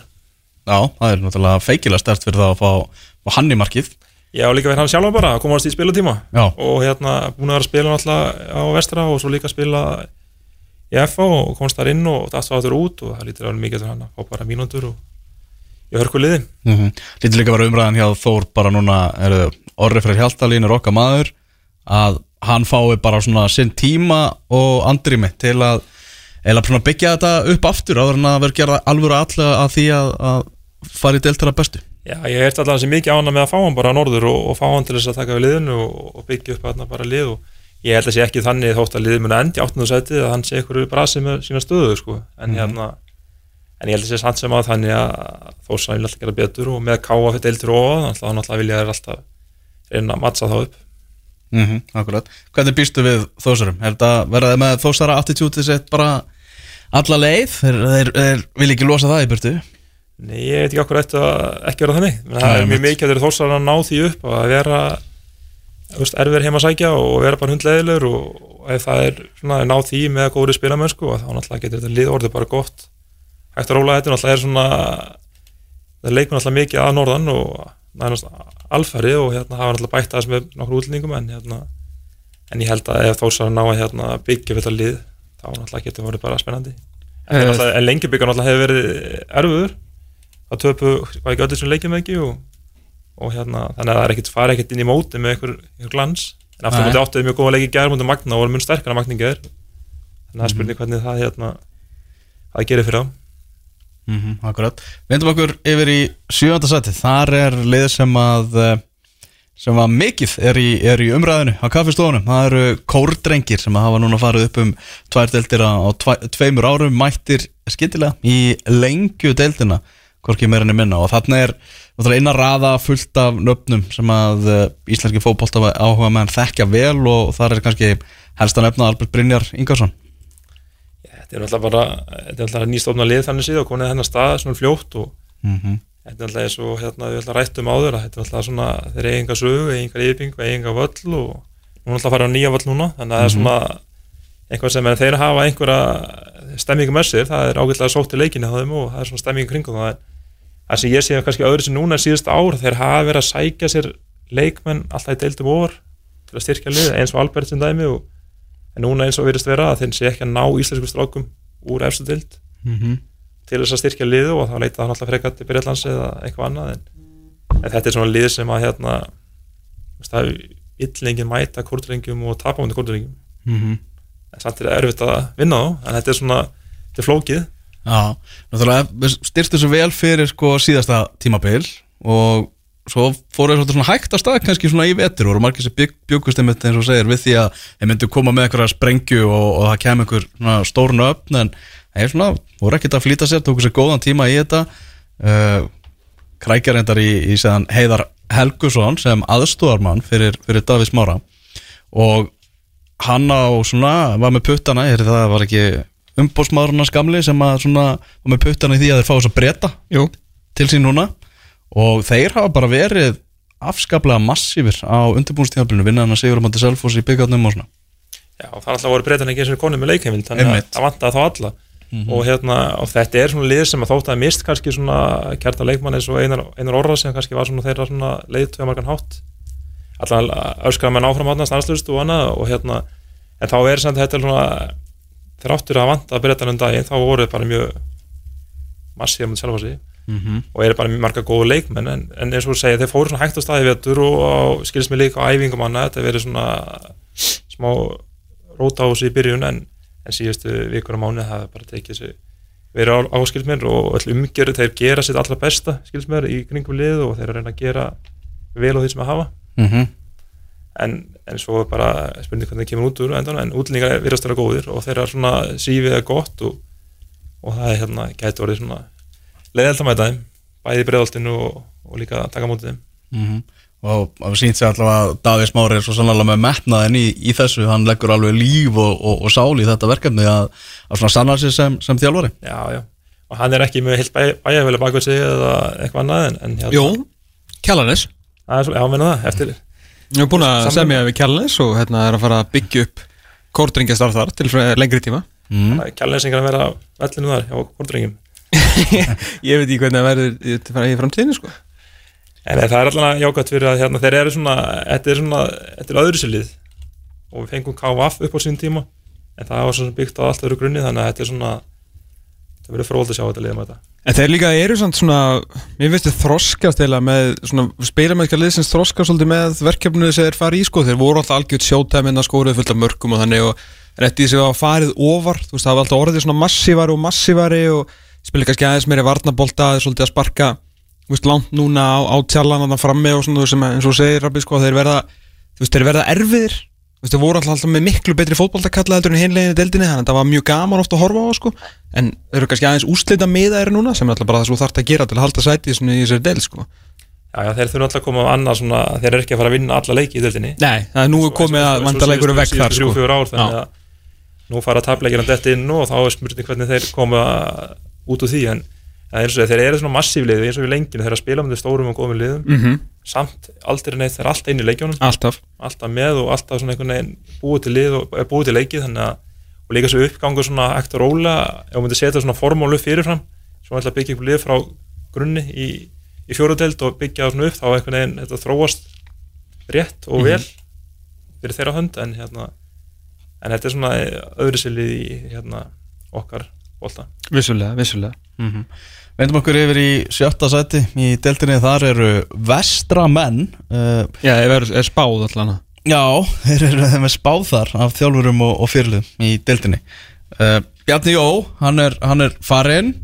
Það hefur verið fullt, fullt af nýju leikmannum sem eru mættir hann uh, erlendi leikmann sem hafa komið bara hérna í bara á færibandi til vestur á, vestur á fyrði og náttúrulega erfitt að rýna í þetta lið. Það er erfitt að, þetta er ekki leið fótballtamenn sem við höfum mikið sér til, Robby Nei, nei, en þú sko tekur svona bara einn leikmann bara fyrir og sko hvað fyrir sig að þá er þetta alltaf með bara hörku leikmann Já, og hérna og þeir hafa verið að bara sanka sér leikmannum og fá öllu leikmannum og, og þeir oftar en ekki vilja þeir vilja alltaf meina að það að fá sterkar leikmenn inn heldur en þeir missa út. Mm og svo er það alltaf komið ljós bara en, en hérna en sífi eru góð og, og pappirinn eru góður en þeir hafa aftur móti verið í smá meðsla brasa undarvarið og hérna og svona spurning hvernig hérna þeir menn koma inn í móti -hmm. en á sama tíma líka ef allir eru heilir og þá náttúrulega er vandamál heiðar svolítið mikið að tengja saman þessa 20 leikmenn sem er til staðar hann og þú veit með kannski, ég man ekki töluna 14 kannski erenda leikmenn sem er á staðnum að það náttúrulega og, og fjóra, þrjá fjóra með öfla íslenska stráka. Mm að vestan, að hérna þá er alltaf verið að, ná að tengja þetta saman og búa til lið og, og það er alveg pressa á, á heiðar að gera vel og, og ná árangrið hana því að svona liðið svo vestir sem er einfallega bara örfáir heimamenn en sterkir að þú byggir ekki upp til fimm ára, þú ert bara hvert einast ár telur og núna er það þetta lið sem alltaf sér árangrið -hmm. svo næsta árið er bara nýtt lið þannig sem þess kemur Mm í sögum búningum. Nákvæmlega. Menna, Ég sé að hérna að Brenton Mohammed uppáhalds markmaður minn á Íslandi bara bæja mæl. Já. var að spila alla leikinu lengjunni að spila lengjunni uh, en voru ekki með eitthvað annar markmann Jó, alltaf Blakala er hérna er ekki áframan fyrir Nei. Njarvík og hérna er tókuð spámarinn og sem vilja meina sér bara fínasti markmaður. Og Já. hérna og það er leikmaður sem að hérna en er hann ekki mættur það? Af því að þættur nefnilega hefur borist bref Ó, þeir eru að fá markvart Nú, vestramenn, ok. Á heimamann heimamann í markið. Daði og Gagnamagnin Daði fyrir Arnarsson er að fara heim til vestra. Þannig að við þurfum að taka tilbaka hérna að sé að að fara til þós Já. Þetta var bara þættunum var að berast bref Sett að þetta sé bara að eiginlega alveg klárt að Daði sem er alltaf er að vestan sé að verður í markinu hjá vestra í sumar. Það er ekkert annað. Það er spennandi fyrir hann. Það er mjög spennandi fyrir hann að fara að spila í flottu liði í, í, í sínum heimum bæði sko Já, sínum heima slóðum, ég veit nú ekki hugmyndi hvort það sé bólingur eða, ísfyrringur það er sko. bara mjög aðgætt fyrir þá að fá hann inn en þeir voru með spánverð allar sem að voru búin að spila allan að skiljum allan einn æfingarleik og held ég einn leik líka. Og hérna var svona bara að leita ágætlega út sem að hérna finna góður að sparka og svo sem gerði engar var ekkit ekstra en var bara gó- fínasti markmaður en kannski þetta bara mjög gott fyrir þá höfum við einhver ágjur að sem lengi úslitu þeirra? Þú veist, þeir hérna skora fjögumörk í fimm leikjum tapa öllum leikjónum um, Mætlar að leiði kannski ekki alveg, alveg klárt þá að spila við eh, já, tvö lið úr, úr, úr sömu deild sko. Og tvö af þremur slökustu samkvæmt spám hérna Pepsi Max liðanum sko. Ég held sem ekkert að marka sama vestralið og verið að spila í, í februar en spilar í júli sko. Nei. það sé bara einfalt sko. Þannig að hérna en það, það einhvern veginn þarf að hérna ná að tengja saman þessar leikmenn. Og eins og komið til fram með daginn að Rafa Mendes hérna bakurinn sem að hérna hægri bakurinn kem ekki hann kemur. Og svo voru búin að hafa annan Portugala í staðinn þannig að nú vorum við tvo í þeirri stöðu. Já, þannig að þeir eru vel mannaðir vestaramenn og hérna en það er svona hérna og strákur sem kom hérna sem hefur í Celtic og var ekki Helsebor líka. Hann er Mhm. mjög öflugur. Þannig að þeir eru mjög mjög góða leikmenn En eins og segir, Heiðar Bitnir þjálfara þeirra hefur mikið að sanna, ég menna að það verður mikið peningur sem hefur verið að leggja í þetta lið og, og, og Sammi, hann fer ekki leint með það, hans draumur er að og bara stefna, er að fara með vestra bara upp í, upp í efstu deild. Mhm. uh, en hins vegar svona það eru margir sem sitja stór spurningamerki við það að, að maðurinn sem, far, sem er að láta inn stýra skútunni sé síðan ekki reynslu meiri heldur en, heldur en þetta Já, en alltaf sama tíma alltaf hefur hann verið að þjálfa mikið síðust ár og allt það en hérna en alltaf ekki í þessum klassa, þessu stað og hann er þetta komin alltaf með samblanda af miklu karakterum og miklu leikmennu sem hann alltaf hafa verið út um allt og alltaf, hann þarf að ná tengið allt saman og það má ekki gerast í júli eða ágúst, það þarf að gera strax þannig að hann þarf að hérna byggja þetta upp og Bjarni Jón alltaf mjög góður því að ná saman lið hrætt og vel þannig að hérna, það er mikið pressa og hefur að ná að að að vera í sjötta seti í, í haust. Já, var, þetta var að berast annað breyð varandi markmannsmálin. Já, að spænski markverðin væri mættur hafi ekki litið vel út í einhverjum æfingarleik og kem, kem ekki þá óvart. bara tekið gikkin já, Já, þetta er, þetta er sami. Já, já, þetta er Alltaf eins og ég heyrði um markmaði þá var hann sko eins og ekki sko, þeir allir svona alltaf við heldum var að fá betri markmaði en Blakala. Og hérna en svo þegar hann var komin á æfingar og leik þess verið þá hérna hann var ekki skóri heldur en samt svolítið markmaður. Mhm. Þannig að hérna en það gerði svona engin mistök gert ennþá en samt ekki verið svona sjáum hann kannski ekki fyrir sem svona matsvinnar Nei, nei, nei, þeir þurfa svo sannarlega að halda sko. Já, þeir ætla sér að vera kannski að blanda sér í eitthvað draum að Já. komast upp. En það er alltaf sko heitasta sætið í, í efstu tveimur deildunum er, er klálega heiðabirnir uh, saman þótt að hann hafi ekkert gert af sér drengurinn ekki neitt sko og er bara með þetta fína lið. Að sko meiri segja fyrir vestan að maður er farin að heyra hinga allavega til Reykjavíkur að það nú svona maður veit ekki hvað er satt í þessu það, það eiginlega skiptir ekki máli hvað er satt og logið Mm. að því að sögurinn er alltaf til sko. Að bara meiri segja menn í kringum liðið eru nánast svona farnir að, að ok, eh, við þurfum að vera með eitthvað klárt hérna kannski bara í júli eða eitthvað. Og þú, menn er bara að passa sig á hvað þeir segja því að þeir segja þetta við ykkur, þá fer þetta allir til Reykjavíkur og svo aftur tilbaka og endanum er þetta bara Ísland þannig að þjálfarum mun alltaf að heyra þetta sko.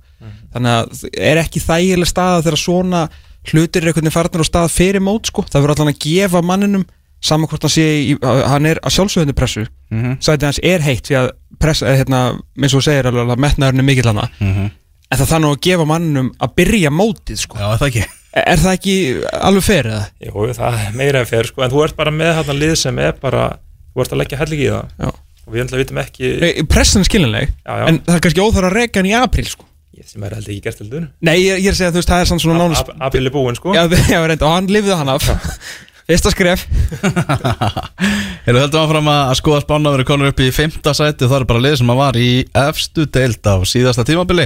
Gróttu er spáð fymta sæti í deildinni á, á tímabilinu. Ég er nú aðeins búin að sjá það á undirbúrstíðabilinu og þá lítur þeir hörku vel út. Mér finnst þetta gróttulega spennandi lið og þeir eru hérna, þetta er svona, við erum rættum hann í upphaf um þessi bottsæti og, og svo hérna kannski hérna örfólið hérna, af alla lið hérna milli og svo kemur bara aftur lið sem bara í topparötu, gróttu getur alveg verið í eftir tveimur í lókinu eins og mörg önnur lið og hérna Er það samt? okkur ekki Uh, engin kallifrili Engin lofber en, Engin en, en, Hákon? en grunninn er með lið sem fór upp með það á sín tíma Er það? í grunninn, Já, upp með, já, já, já En það er kannski ekki leikmyndi sem kom á láni í fyrra mennur ekki sem fór niður það er alltaf bara að missa alveg lánsmenn svona Skilji, skilji. þeir sem fóru upp og hafa náttúrulega verið í þessum myndana kjarnar liðsins, það er náttúrulega þeir eru til staðar ennþá. Mhm. missa náttúrulega reyndar Hákon náttúrulega mitt sumar mm þannig að spurning hvað þið gerir því hvort þið notið það Hákon í byrjun eða hvort það eitthvað annar startið þá. Hva, hva, hva, Hvað finnst þér um það? Þú erum lókislega skrítið að vera að fara að missa markmannin sinn á miðju tímabili. Og ég veit að þetta er alveg svona skipta skoðunum við staf og seldanisinu heyri maður hvort að þeir þá bara láta Hákon vera á bekknum í byrjun móts og, og bara þetta er aðalmarkmaður þessa tímabils sem er í markinu. Eða hvort að þeir bara er sér að fara að treysta á sinn mann og svo bara fer hann og þá þurfum við að leysa það. Já, bara, Gústi, það er bara að standa og falla með ángurinn Ég ætla að segja ekki eitthvað eitt rétt í Ég þessu, menna en þetta er bara Gústi Tepli vantilega bara fram besta liðinu og Hákon er besti markmaður þeirra þá, var hann bara að spila. Ég menn ef þetta verið varnamæður eða miðumæður að sendur, hvað myndir gera þá? Ef hann er besti leikmaður liðsins þá myndi ég láta hann spila. Já, mér finnst það mjög líklegt að- og leikmenn fara út í skóla erlendis og, og hitt á þetta og Já, ég meina þú veist, og veit af því hvað, í tvo mánuð hann er að fara, nægu tími til að undirbúa hvort sem það sé einhver strákur í yngri flokkastarinu eða, eða hérna, hvort það ætla að fá ellenda leikmenn eða hvað sem það er sjálfsög spila bara hákon, þetta er að ná í, í stig og hann er á að heita eitt besti í þessari deild. Ég held að það sé alveg klart Já, við erum allir sammála í, Já, já, sa- sammála í þessu uh, Já, þú telur að ef allt smellur hjá gróttu þá getur, getur Sko, verið getur, þeir, þeir eru kannski ekki í dag svona feyfur að fara upp. Nei, mitt og en ég meina þeir voru heldur ekki feyfur að fara upp á sín tíma. Það var spá held í tíundu að seti þannig að hérna en það kannski gerist ekki aftur þannig en, en það er svona að þeir hafa gústöðum búin að vera liðið núna í heilt tímabili fyrra. Mhm. það sem þurfti alltaf byggja á grunnum frá Óskari og, og svo verjast alltaf mikið meira heldur en, en áður. Og hans alltaf áherslu annað konar inn og en það er bara spurning hvernig hérna hvort að gróta sig spennandi hefur verið en það er svona en skipulagin alltaf sem hann er að vinna með þarf að koma skýrt fram og það getur alveg gerst, þeir eru með strákar sem geta skorað þeir eru með strákar sem geta varist. Þannig að þeir eru með svona ákveðin grunn sem að geta byggt á en hvort það dugir til þess að vera í topparötu en svona 5. sæti getur alveg verið það, þeirra staða. Já, er þetta bara líka fínt sko? Þeir verða, held ég, bara rock solid með gæja, bara svona flottan bara mjög svona hvað, þjálfara sem kemur bara hlutunum með einfalt frá sér og er eins og segir með veist, þeir eru miðverna, þeir eru með markmannin þeir eru ennþá með strækjarna einhverjum ótrúlegum ástæðum okkur hann er ekki eftir, skil ég ekki en, en frábælega eftir grótu að haldunum og verða bara svona nokkuð solid vita sitt og, og ég held að 15 sæti sé bara mjög mjög eðlileg spá fyrir grótuna sko. Já, nákvæmlega, og bara flott fyrir félag eins og klúb, uh, klúb eins og, og gróttu að vera bara í þessari, þessari deild og Já. vera bara flott félag í Já, ég meina, þú veist, ef þið myndu fara í 6-1 kerfið, 7-1 kerfið, þú veist, 7 í lengju, 1 í maxinu fattur, þú veist, það er bara á meðan það er ekki delt meiri peningum í þetta, nóg er að peningum í þessu, Akkurat. í þessu bæjarfélagi, þannig að það gæti alveg verið með miklu betra fótboltalið. ja, en stefna alltaf er ekki þannig Nei, ég er að segja, algjörlega, þess vegna þú veist, þetta er bara mjög flott að vera bara rock solid lengjadöldaklúpur og eiga síðan svona drauma sumar við og við og, og kíkja upp, sko. Herru, nú ætlum við að fara að skella okkur í djúsið. Já, það, Já, það er ekki eins og búið að tefla fram spánni það. Nei, við ætlum bara að frumsýna það núna hvernig topp fjórir lítur út í uh, spá þjálfara og fyrirliða fyrir lengju deildina 2021 Við höfum eftir að fara yfir fjórlið og við hendum okkur yfir í fjórða sæti deildarinnar. Grindavík Rafið, þú veist allt um Grindavík. Spá þriðja fjórða sæti segi, í, í deildinni. Já, ég veit ekki, ekki allt en ég veit einhvað Sko þeir náttúrulega hafa mist leikmenn og stór nöfnir og Gunnar Þorsteins og Alexander og alltaf koma Maggun daginn þannig að hérna, svona meðal annars. Uh, þeir hafa bætt við sér náttúrulega einhverjum strákum eins og Ólaði Guðmus á Breiðarbyggi og Tiago sem var fram hérna 2019 eða ekki? jú skipti markmann, Aron Dagur kom í markið þannig að hérna og svo þetta Díón frá Þrótti og svo nýr leikmann núna sem einhver rétt bara að fara á ekki frakkjum bara nú fyrir stöðu síðan. Varta sinna að miðumæður að þeir eru með svona fínt lið, þeir ekki með það vantar, allir, fá, allir sem fá Stefán frá líkánu sem fór svo í BVF Já, náttu bara eftir að króta undir. Já, ég held að næst ég tekið hann bara á hérna að hérna Já. og snúa hann við. Mm en hérna, þannig að það er eitthvað sem vantar upp á. Þeir eru bara með eitt sendir, sem pjúra sendir sem að geta stólað á og, og þannig að það er kannski að spreyti ykkur að fyrra en, en Grindæk ætla sér alltaf meira. Það er bara þessi lið sem við tala um núna þetta er allt lið sem ætla sér stóru hluti. Mm -hmm. Og Grindæk er ekki, ekki sáttið svo grótt að vera í, í bjöðdeild í mörg ár. Mm, það eru mörg liðir sem ætla sér upp úr þessar deild og greindaði klárlega eitt af þeim. En ég eins og segir áfall að lendi því að Gummi Magg hverfur á braut uh, eitthvað persónulegt persónulega ástæða fyrir því að, að samningi er rift þar sem að er ekkert nánar farið út í og Ég, ég heyrði að hann var bara hefði verið eitthvað ósátt við stöðu svona þegar voru komin svo margir framherjar. Svo er enginn framherjað það er bara Sigur Bjartur sem, sem það er einn með Því að sko Ottur átt að vera að koma og einhver annar átt að vera að koma svo kom enginn. Já, veit það ég, ekki? ég veit ekki hvað ég satt í því sko. En, en fyrir Gumma eins og bara í fyrra með hvernig, hvernig þú veist, sáuð þið hann og bara, var hann að gera mikið fyrir þá? Við vitum að það er mörk í honum það er mörk í honum hjá fram, hann mun skora í á fram þar er hann í það sem hann poppar alltaf með hann á milli skora mikið sjálfsög á móti leikni hann skora alltaf á móti leikni sko.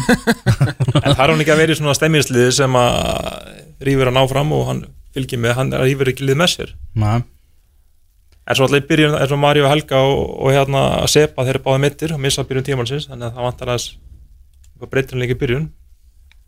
Þannig að hérna, en það er gaman sem Tiago hvernig hann kemur inn í liðið. Hann var mjög öflugur henni í innkassadeldinni 2019 ég held að hann verið frábær. Og, ég, og svo er náttúrulega bara líka Díón, ég menna Sko, ef, ef að þeir eru bara algjört ef og hefði ef þú skilur ef ef og verður Já. ef að Tiago er 2009 Tiago Mm.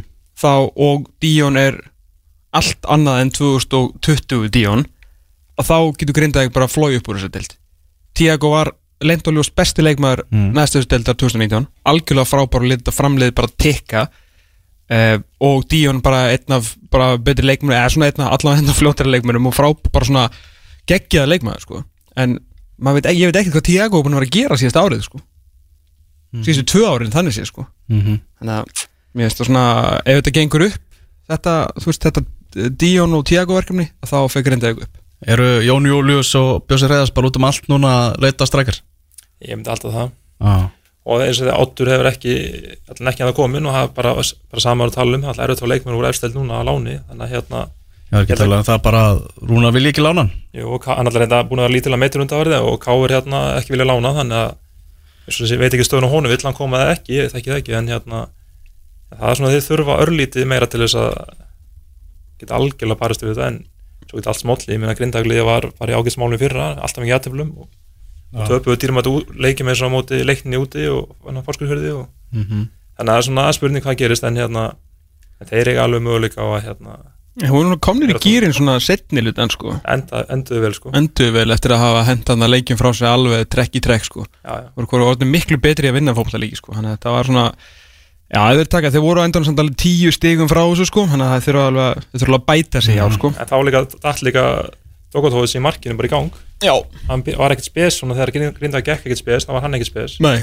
En svo einhvern veginn þegar hann náði að þá hérna þá hérna líka gekk heldur vel. Já, það er spennt að sjá hann uh, fyrir norðan í sumar.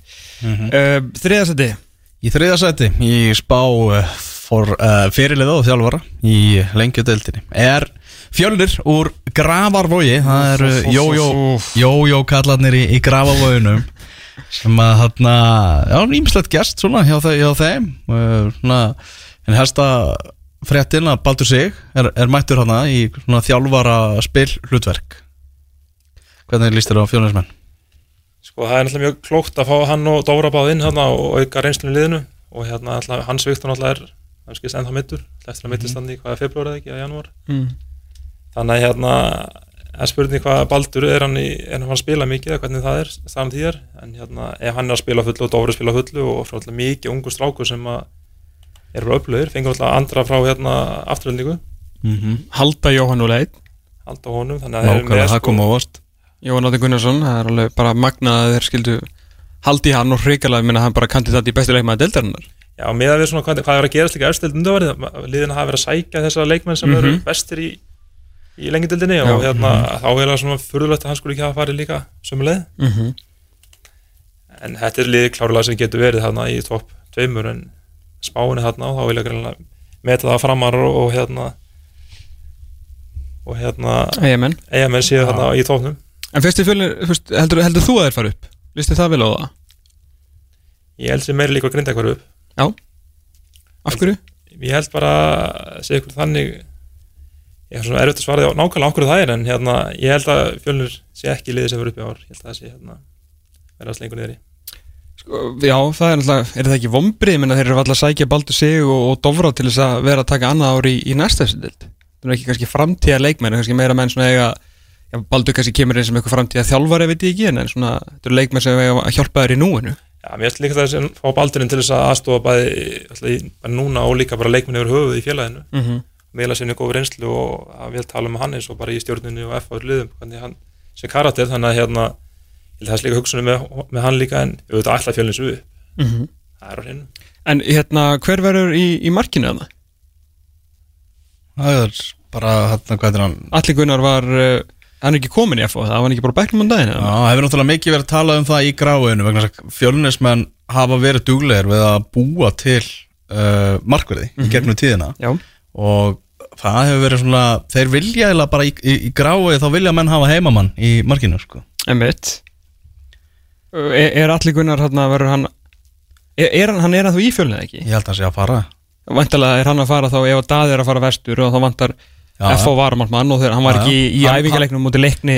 Já, já, nákvæmlega nema að þú veist, það væri bara búið að ákveða það að hann er ekki í, í fjölunisliðinu sko. Ok, þannig að Sigur hann Daði Já, 2001 mútið verður þá vantilega í markinu já, það er hérna Öflugum markmaður, eða þú veist mjög spennandi markmaður. Já, og, og allir er flottu markmaður en hins vegar, þú veist, rattirna frá graf voru, voru við viljum okkar mann í markið, sko. Já, sérstaklega þegar þú ert ekki með, með fullir virðingu fyrir alla sko, þú ert ekki með betri Já, mann já. í rammanum sko, að þá getur hann alltaf veður og alltaf á, á ungan heimamann. Að munurinn er ekki það mikil sko, við erum Mhm. alltaf miklu betri í löpunum og svona og er bara mjög spennandi gæði sko, Mhm. mjög, mjög spennandi markmaður. Já, akkurat.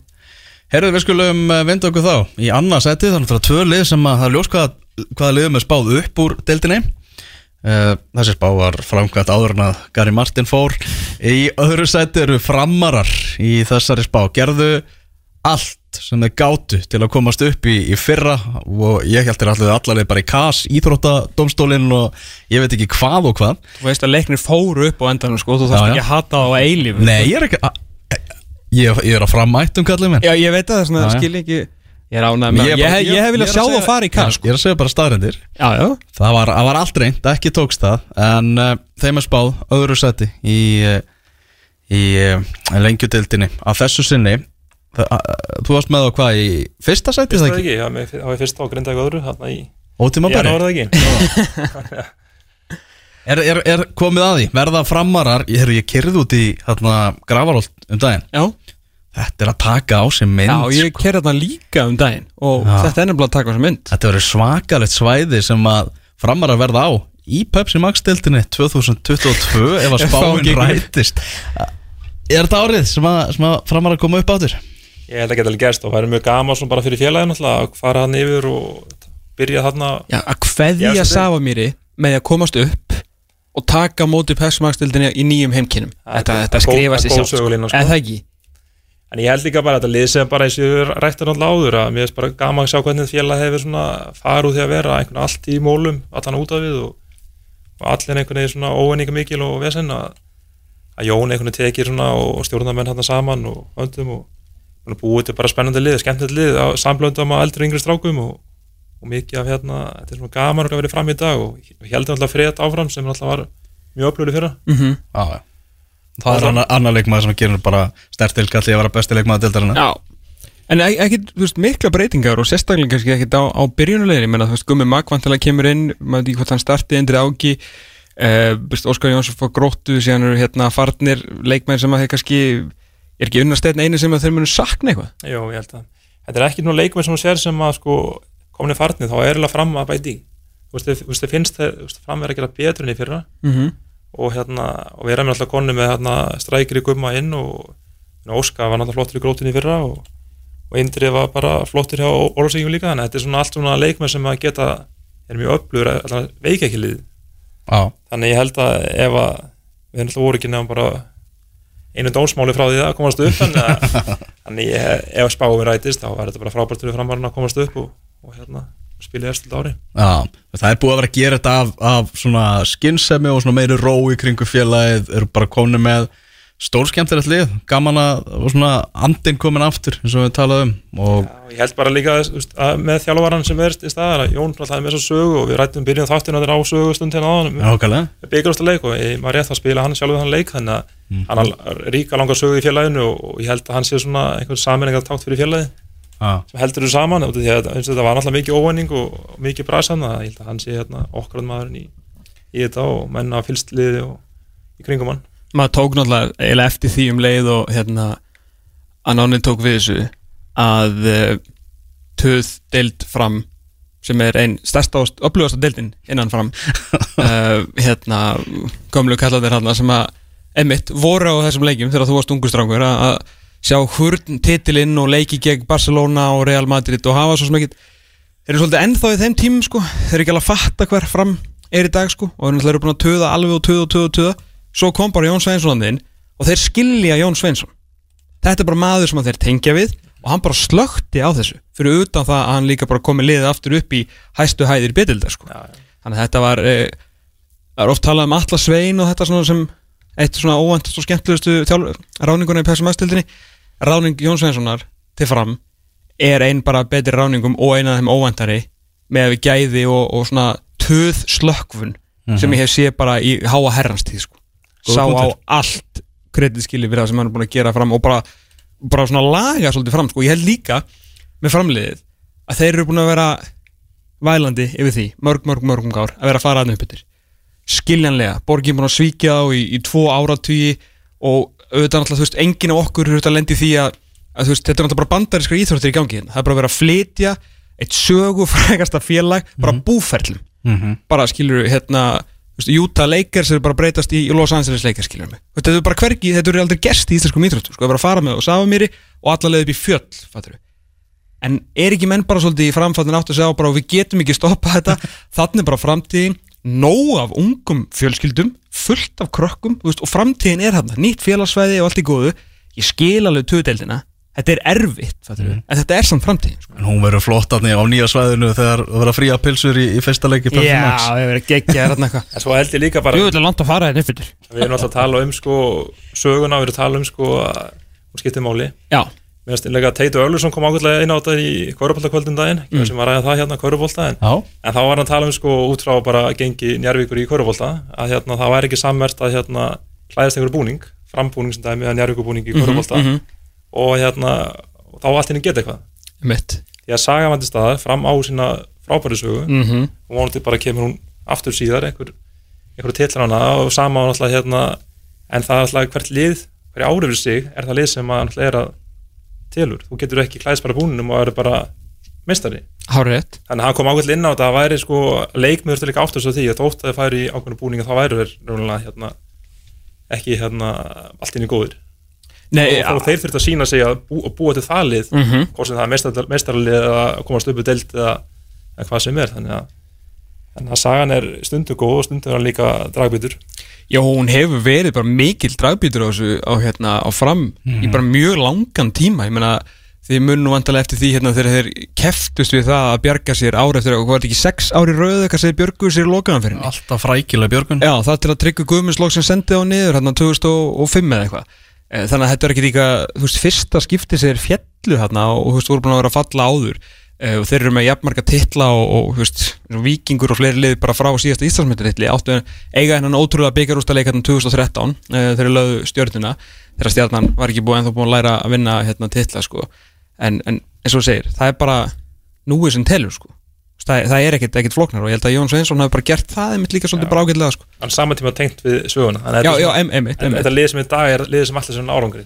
Já. Út frá Og alltaf bara nýju sæði verður bara gaman að sjá það þar Já, já, bara möguleikar og, og fáið hérna fram fjölnir allt í orðin, algjör og Nákvæmlega. Fram afturhelding, Það verður bara nýjar og skemmtilega sögulínu vera til.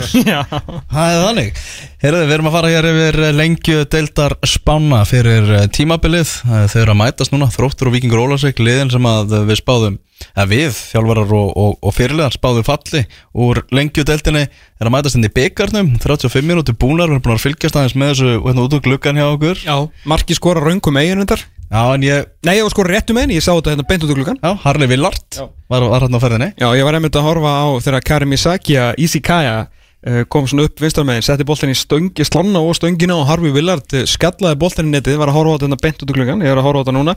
Uh, og var síðan rosa reyður út í Franko Lalitz, markvörð þróttar. Sest, Lalitz gerði ekkert nema bara liggja í græsinu og var ekkert fyrir honum. Ah. og Harfi Villard skallaði boltan bara í aukt netið og svo fagnaði hann í andlitið á honum. Bara svona rólöfinu, það er fyrsti mæ þú veist, þetta er bara annar leikur og svona, við skulum hann til og fekk guldspjald fyrir vikið. Marko Guld Já, Marko Guld Já, Harley Villard, það er skemmtilegt. Herðu, við erum bara eftir að ræðum liðið sem að uh, er í fyrsta sæti í spáni og Það er er, eitthvað um það að segja svo. sem. það er strákandir í er í BVF það sem að ímestlegt hefur gengið á þau var náttúrulega spáð upp í, í fyrra en á hinbóin það fór þetta allt í skrúuna hjá þeim. Já, leikmann einhvern veginn svona held að þetta myndi gerast það sjálfu sér fyrst að það var allir búin að segja það að þeir var á leiðinu upp og að þeir þurftu ekki bara ekki að gera. Og annar kom sér á daginn og þeir endur eitthvað í sjötta sæti deildarinnar með bara svakalegan mannskap. Mhm. uh, þeir eru ennþá með svakalegan mannskap þrátt fyrir að Gary Martin sé farin á horfin og braut. Menn þeir eru búin að sækja Eiðarón heim bara eitt besta miðvörð Íslands. Hann er bara mættur. Gauji Lýðs einnig hann að risa karakter og, og eitt besti miðjumæður Íslands. Bara ekki flóknar en það. Uh, missa Gary Martin sem að maður, maðurinn sem átt að vera að skora eitthvað 15 mörg fyrir þá í sumar. En fljótir að bregðast við og skelltu sér eins og þú sagðir á Reykjanesbrautina og, og hyrtu bara upp Stefán Inga sem var á leiðinni í, í Grindavík. Stefán Ingi eins var klárar ekki tímabilið. Hann er að fara le- leiðin út í skóla. En þeir fá allavega svona svigurum til að leita sér þá kannski að öðrum sóknamanni fyrir næsta klukka til að, til að taka setni hluta mótsins. Uh, það kemur ekkert óvart að bjóð sér spáð efsta sætinu. Nei, nei, þetta er bara sama svo sem umræði tókum við fyrra Sama tíma. Já. Og hérna, þá voru allir sammálu nema Tommy Það er tíma allavega, en hérna, að það færu upp og, En einhvern veginn sumar er alltaf þróast bara í alltaf rátt En mér er samt sér styrking á þessu Þú múin að vera þýlju upp hérna. Og komið mjög öflugan alltaf hafsend En í staðin alltaf Jón Inga og, og Bjarni Ólafur alltaf ekki til staðar. Mm þeir eru náttúrulega reynslu ríkan að fá í þessari deildræði fyrra og, og hérna og eru náttúrulega, úst, en missa Martin en þetta samar án að komin hérna með Sigur Gretar og Guðan Pjötur og, og Stefán, menn þetta eru styrkingar og, og veikingarn eru í þorvara dóttinu út og, Bjarni og, og Gary þannig að þeir eru komið sterkar liðinni fyrra á margan hátt og, og spurning hvort það líka fráfall hérna Garys og, fá í staðinn Stefán Inga og hvort það sé bara gerir liðið bara einhvern veginn meira svona þjappara saman og og með þessa reynslega fyrra og kannski ekki þess að kannski mögulega eitthvað vannmat á, á deildina, að þetta bara munir smelli sumar og, og Tómi tala á hann um hérna pressuna á vestramenn og þjálfana það er, nákvæmlega. Ég held að hann er glemt einu manni þarna. Já, það er bara þannig, ég meina Helgi, Hann var ekki, allan ekki reikin eftir síðast tímbil Já, nákvæmlega, og ég meina þeir hann hélt tröstinu og, og meina það er bara hann fer í nokkuð heitu sæti inn í þetta tímabil. Já, Já, ég held að þetta alltaf heiti sæti með svona mannskap sko. Já, ég held að þeir sé líka með hárið að þjálfara Já. með sér í, í þessu og, og hérna ég held að þeir sé með ekta mann í þetta og, og ég held að ég held að það muni ganga í báðu sumar og, og það er náttúrulega algjör bara skellur er tvö röð sem að og þá er spurning hvað gerist í BVF eða komast ekki upp núna náðu við sama takta næsta ári og, annað en ég held að það geti nú verið þeir vera mjög svektir að fara ekki upp í ár En hvernig eiga er að, að klúra þessu? Hva, hvað getur gerst? Hvernig á átt að geta ekki unnið þú veist, maður alltaf fyrir auðvitað, þú ert bara mjög solid þú ert með halda pól í markinu sem að auðvitað, það gæti alveg verið betri en þess að áverið betri markmennum í þessari delti hann er í, ef hann er í standi. Og með Eið Aron til að stýra vördninni, þú veist, Jón Ingarsson leikmaður ásins séðum í, í fyrra og svo bara svona gæði sem að kunna þetta, það er að koma alveg upp nokkur ungir leikmenn, Gauji Lýðs náttúrulega hann setur náttúrulega bara standarda hvar sem hann er. Uh, svo náttúrulega með, með Gonsa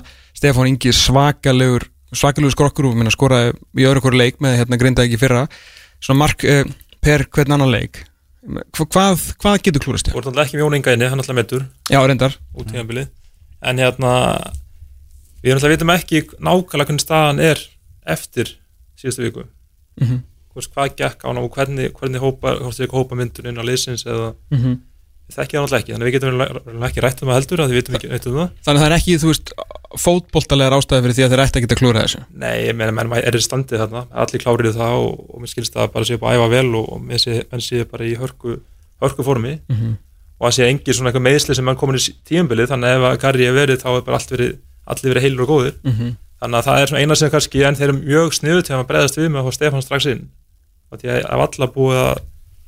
klára að tala um hitt og það er ekki að það búið að tala um það eins og með Garri að hérna Hann var ekki búin að rýma íbúðuna þegar Stefán var og mættur hann sko. bara mættir á örðina sko. Það að sofa í sama rúmi í nóttu? Hann lítur að taka íbúðuna hans.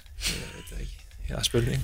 Þannig að það er allavega einhvað sem að hérna sé mjög klókt hjá þeim. Mhm. og það er alltaf að gefa sér eitthvað tíma þess og elva fólk í náðan að, til þess að finna nýjan sendir fyrir loka hlutan á mótinu. Þannig að ég held að það sé eitthvað sem að hérna, þetta er mjög gáðalegt hjá þeim. En hérna en það er, það er gaman að vestmennur uppi. Mm -hmm.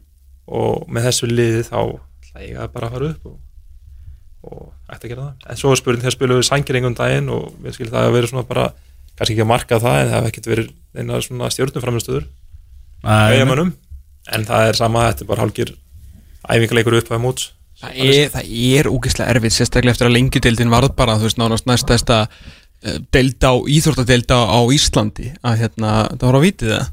Já, betur, já þetta er Ólasvík að fá viti Já, vítaspilna hérna í beitn útsendingu Harfi Willard skorar Já, skorar eins og þetta er löngu færi Herru, hann er búin að setja tvö kallinn Já, og ok. okay. fagnaði samt bara sjálfur núna ekki í andliti á, á uh, markmann Búningavalið er og ekki gott Af hverju er þróttur í bláum treyjum á heimavelli? Er þetta eitthvað svona Hvítt og ljósplátt Bara þegar þið mætist í lengjudeldinu ekki verið í þessum búningum takk sko. Já, þetta er eitthvað eins og Anna, Er ekki líklega að Ólasvíkingar hafa bara mætti í varabúningun með eitthvað og bara, herru, já, úps. Tóku bara eitt með sér. Já, Já. þróttar að vist hvítir og rauðir um að glemma því. Hérna, Hvaða lið, mun, ég hefði þetta undirbúið þetta fyrir hérna, þáttinn. Muni eftir ykkur svona liðin sem voru svona samsett skilur svona ofurlið keft ofurlið í betild Vá, þú veist það var Já, það var verið ofurlið í bjötið En keift ofurlið Eða, þú veist, eins og fylgir fór niður Já. en þú veist, við þekktum all þar þannig að það var bara sjálfgefið ofurlið en hefur, hefur ykkur sett saman svona lið ég bara man ekki en þú veist, og líka bara með umfyllunni sem er um þessa deild Já, að þá er bara, þú veist, heljaris hellingstjöfisins pressa á að, að koma þér upp og það getur bara farið í hausan á munum, sérstaklega í svona litlu bæjarfélagi sko. já, já, ég held að það sé rétt höfður en ég held að það sé líka bara ég held að það árið fyrra hafi gert helling fyrir eðamenn og ég held að það sé eitthvað sem að þeir munu það kemur mikið orðið að fara ekki upp. Ég spáði mig ekki upp í, í hérna janúar. Nei, og hérna, en ég held bara þeir hafa bætt bara vissi síðan þá og er reynda mist en hérna, en það er einhvern veginn svona mjögst allt svona bendið þess að þessi tvölið sem eru hérna í dag sé var mjög, mjög líklega til að vera upp. Já. þetta er veist svona mestmægni sammála spáni Ef þú ættir að setja það saman í dag. Og náttúrulega mjög keimleika sem við tölum um í janúar. Ekki það sé líkilættir í þessu en það verða eitthvað ómænt það er náttúrulega einhverju sem að við erum með hérna, núna leikvar í gangi Ólasvík og, og hérna þrótt og vikingur er það bara með, með 2-0 stöðu og það fyrramarki var þverkja í gangi leiksins sko, en síðan þá hefur þetta verið og þróttararnir voru miklu betri að, að hérna, og Conrad búin að vera tvisar frábælega og þá er spurning hvernig við líka farum, förum með hérna, þróttan eða fara að tapa svona leikjum og fara fyrir mannskapur sem er svona álíka mannskapur fyrra bara í skilina og ekkert gengur. Nei En er vita, ég hérna seldi hlutabræði mín í Pizza 67 í Já, um leið og, eða fyrir dag um leið og Garri var reikin og hérna, þú með hann á grafminu eða? Er ekki, nei, ekki. Nei, að hérna hann heldur pizza 67 á floti þeir eru með þess að greinlega þeir eru allan með gyrnilegustu bröðstangir á Instagram. Úst, þeir gerir þetta ekki sjálfur, Garri er bara með þetta og hann fæst sér svona, ég veit ekki 8 á dag, 8 skamta Ég er þetta ekki bara Tommy á krúsinu sem er, að, sem er að borga þetta, borga Gary Martin og svo Í fær þetta, brauðstöngum? svo fær þetta allt tilbaka þegar hann fer að vesla í Já, nú fyrir hann bara á krúsina. Já, nú er krúsinu örugglega að fara bara að lifta upp brauð- brauðstöngunum hjá sér sko. Já, já. En ég ætla hann að ég skilaði góðum gróða þarna að selja breiðið mínu pizza 67 eftir, að- eftir að Garri fór sko. Algjörlega. Heyrðu, við ætlum að henda okkur í 1x eða 2 í fyrstu umferð lengjudeldarinnar Rafi. Uh, Byrjum þar á þrótti Hve, Hvenar eru fyrstu leikir hennar? Ég ætla að segja eitthvað það. Það eru bara tveir leikir á 15. Ok. Þróttur Fjölnir er eh, leikur á Eimskipsvellinum í Grái. Nei, Eimskipsvellinum hérna við liðan okkur segi Já. Gráus búið að koma í heimsó Það er tveir á það. Tveir á það, það þarf ekki langan tíma til að hugsa sig um það. Uh, Fram völlur, fram vikingur Ólásvík á sama tíma. Það setja x á það Já Varstu ekki að spáða um upp? Þvert að smána, jú Ég held að Ólu sem ég komið vel stendur eftir að leik í dag og ef það er enda svona og, og framanni koma aðeins svona eftir að þetta ekki stórsigur út í garði líklega eftir það Það eru óvænt úslit Það er í, X, í, já. í þeim leik Það er einn x á það, það. má það ekki Nei.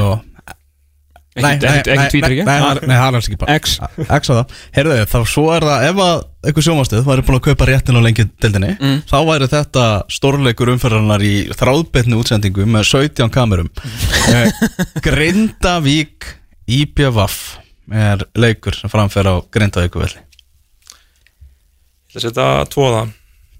Ég hef mér komið þar, vel stendur sæki sigur til Grindavíkur það er hrikalega stert fyrir það í fyrstu umferð. Stefán með sigumarkið Ú, þetta er að fagna því Já, það er ekki þannig karakter, fagnar ekki öllu? Jú, ég var bara á láni þarna og maður á alltaf að fagna mörgum.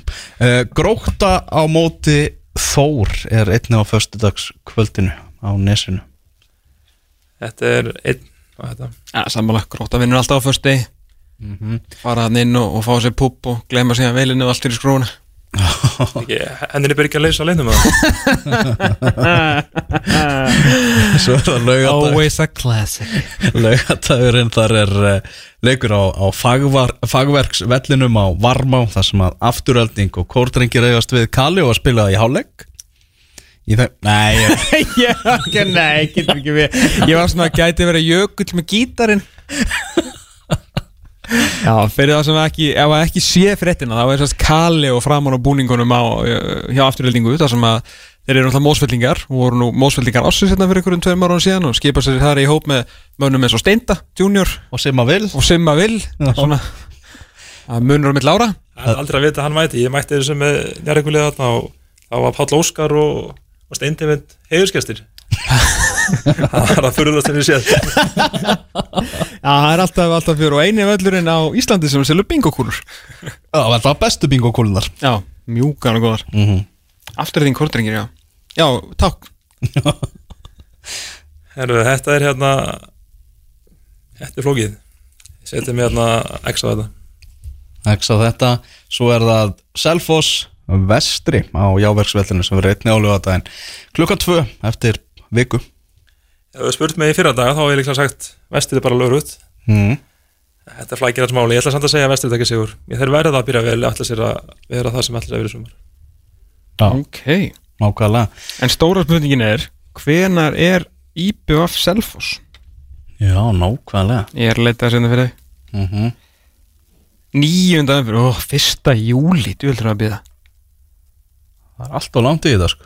Við veitum ekki eins og hvað það er Káa Ofurlið í næstefstu deild Já, Það var samsett, Já. ég veit hann alltaf með einhverju heimurum Já, þetta er um bara bref nefnilega. Og hérna, góð hlustandi benti á það það. er bara komað góð bref í dag. Já, mjög góð bref, skúbbref, hjálpabref Alls konar bref? Já, ká, káa klálaði með ofurlið. Og það þá tókst ekki nótu benni Glemmi því ekki? Mm -hmm. Nákvæmlega.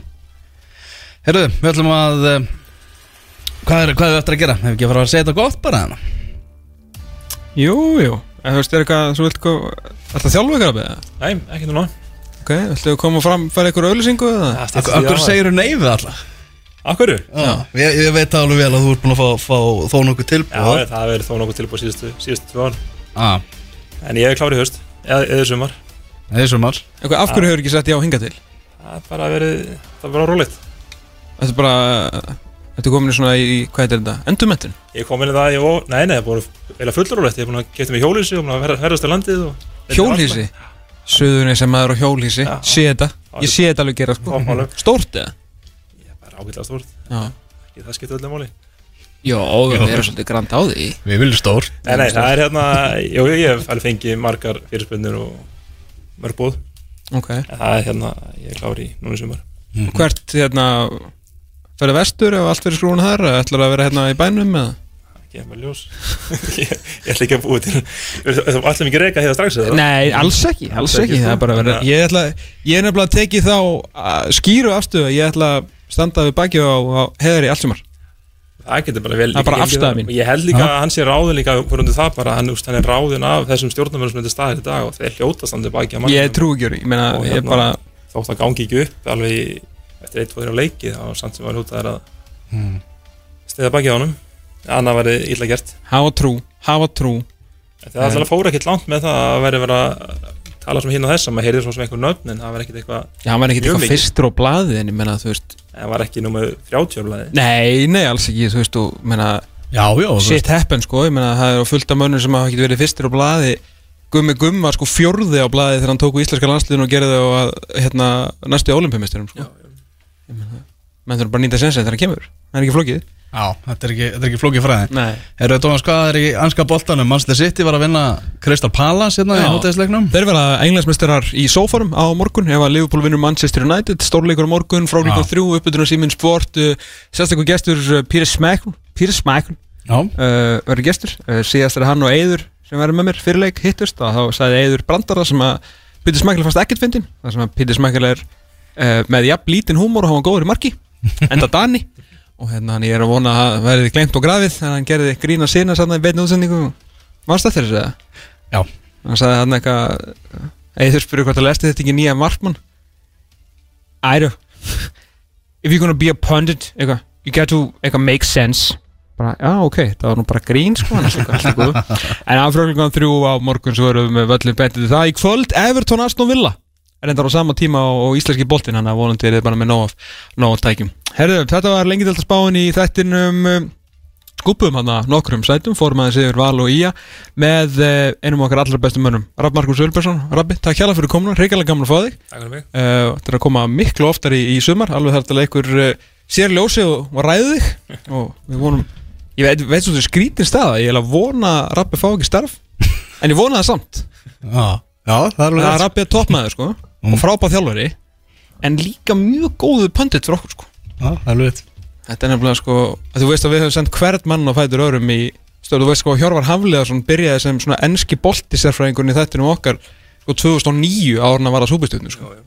Þetta er plattform sko. Þetta er stokkpall Herru, við höfum aftur þetta 6 og 22 tíma þangar til við þessar